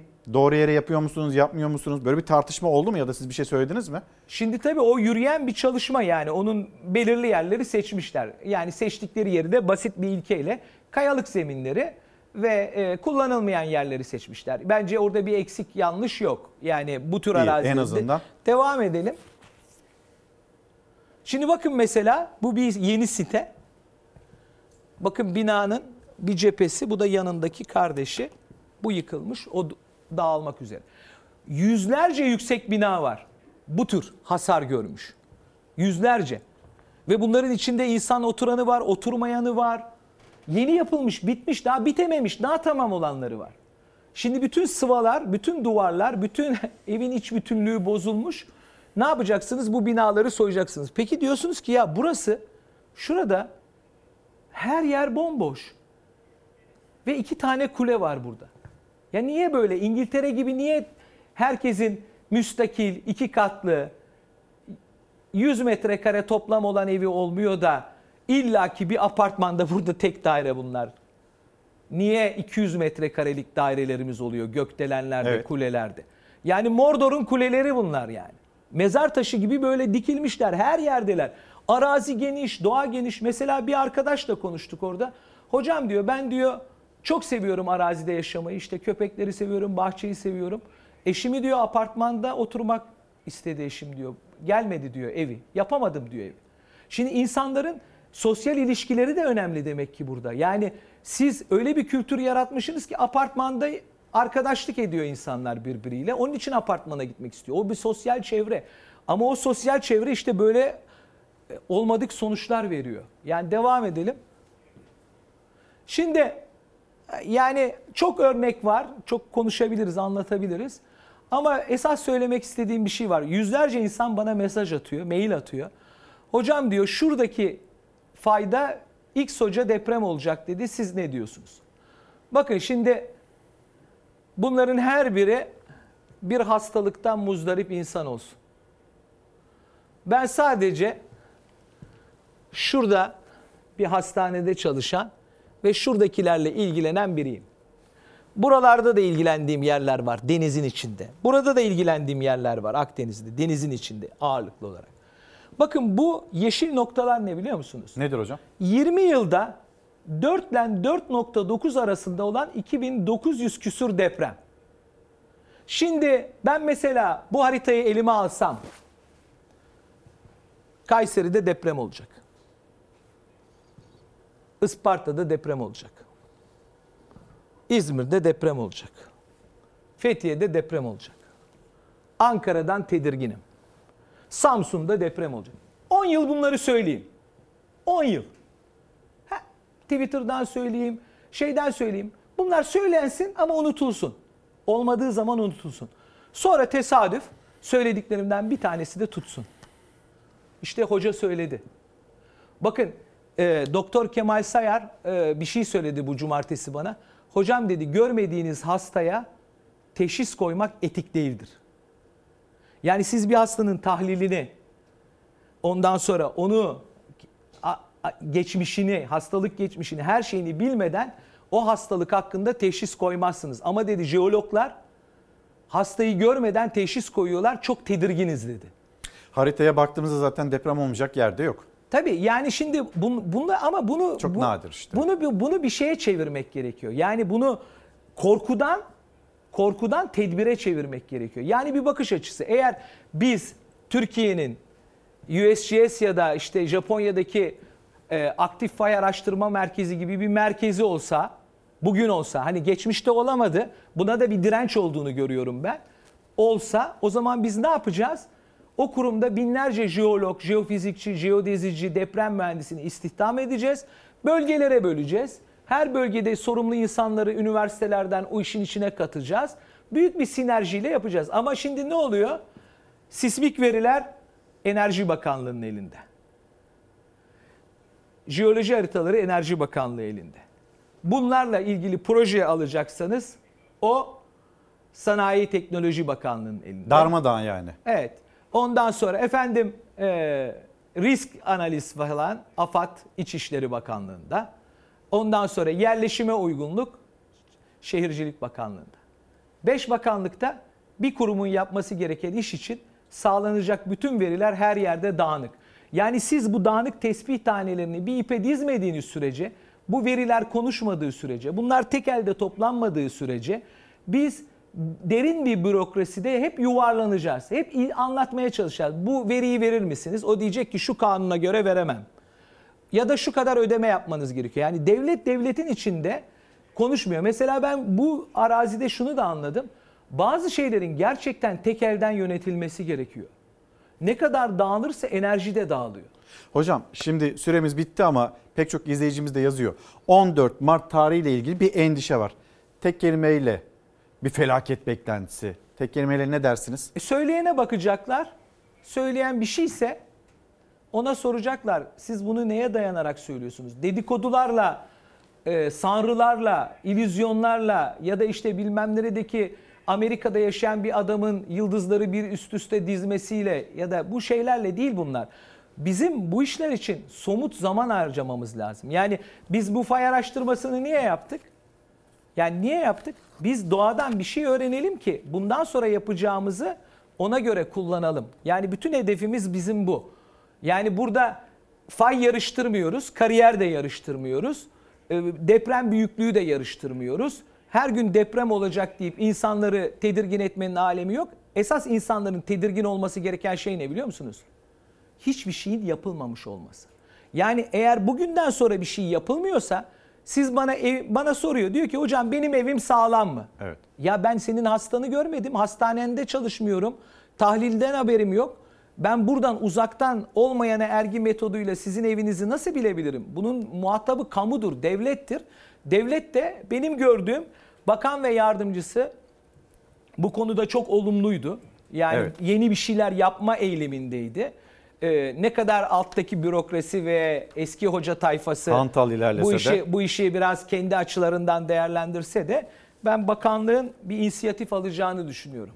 Hocam çok teşekkür ederim. Ederim. Devam edelim. Saha çalışmaları ve bizi yine uyarmaya da devam edin. Bakanlık yetkililerini de uyarmaya lütfen devam edin. E, Bir deprem masası var ve olmak zorunda Çalar Saat'te ve biz de hocalarımızla konuşmayı da sürdüreceğiz. Profesör Doktor Cenk Yaltırak'la konuştuk. Yarın 7.45'te yeniden karşınızda olacağız ve bir lider konuğumuz Türkiye İşçi Partisi Genel Başkanı Erkan Baş Çalar Saat'te olacak. Pek çok konuyla birlikte kendisini de ağırlayacağız. Yarın sabah görüşürüz.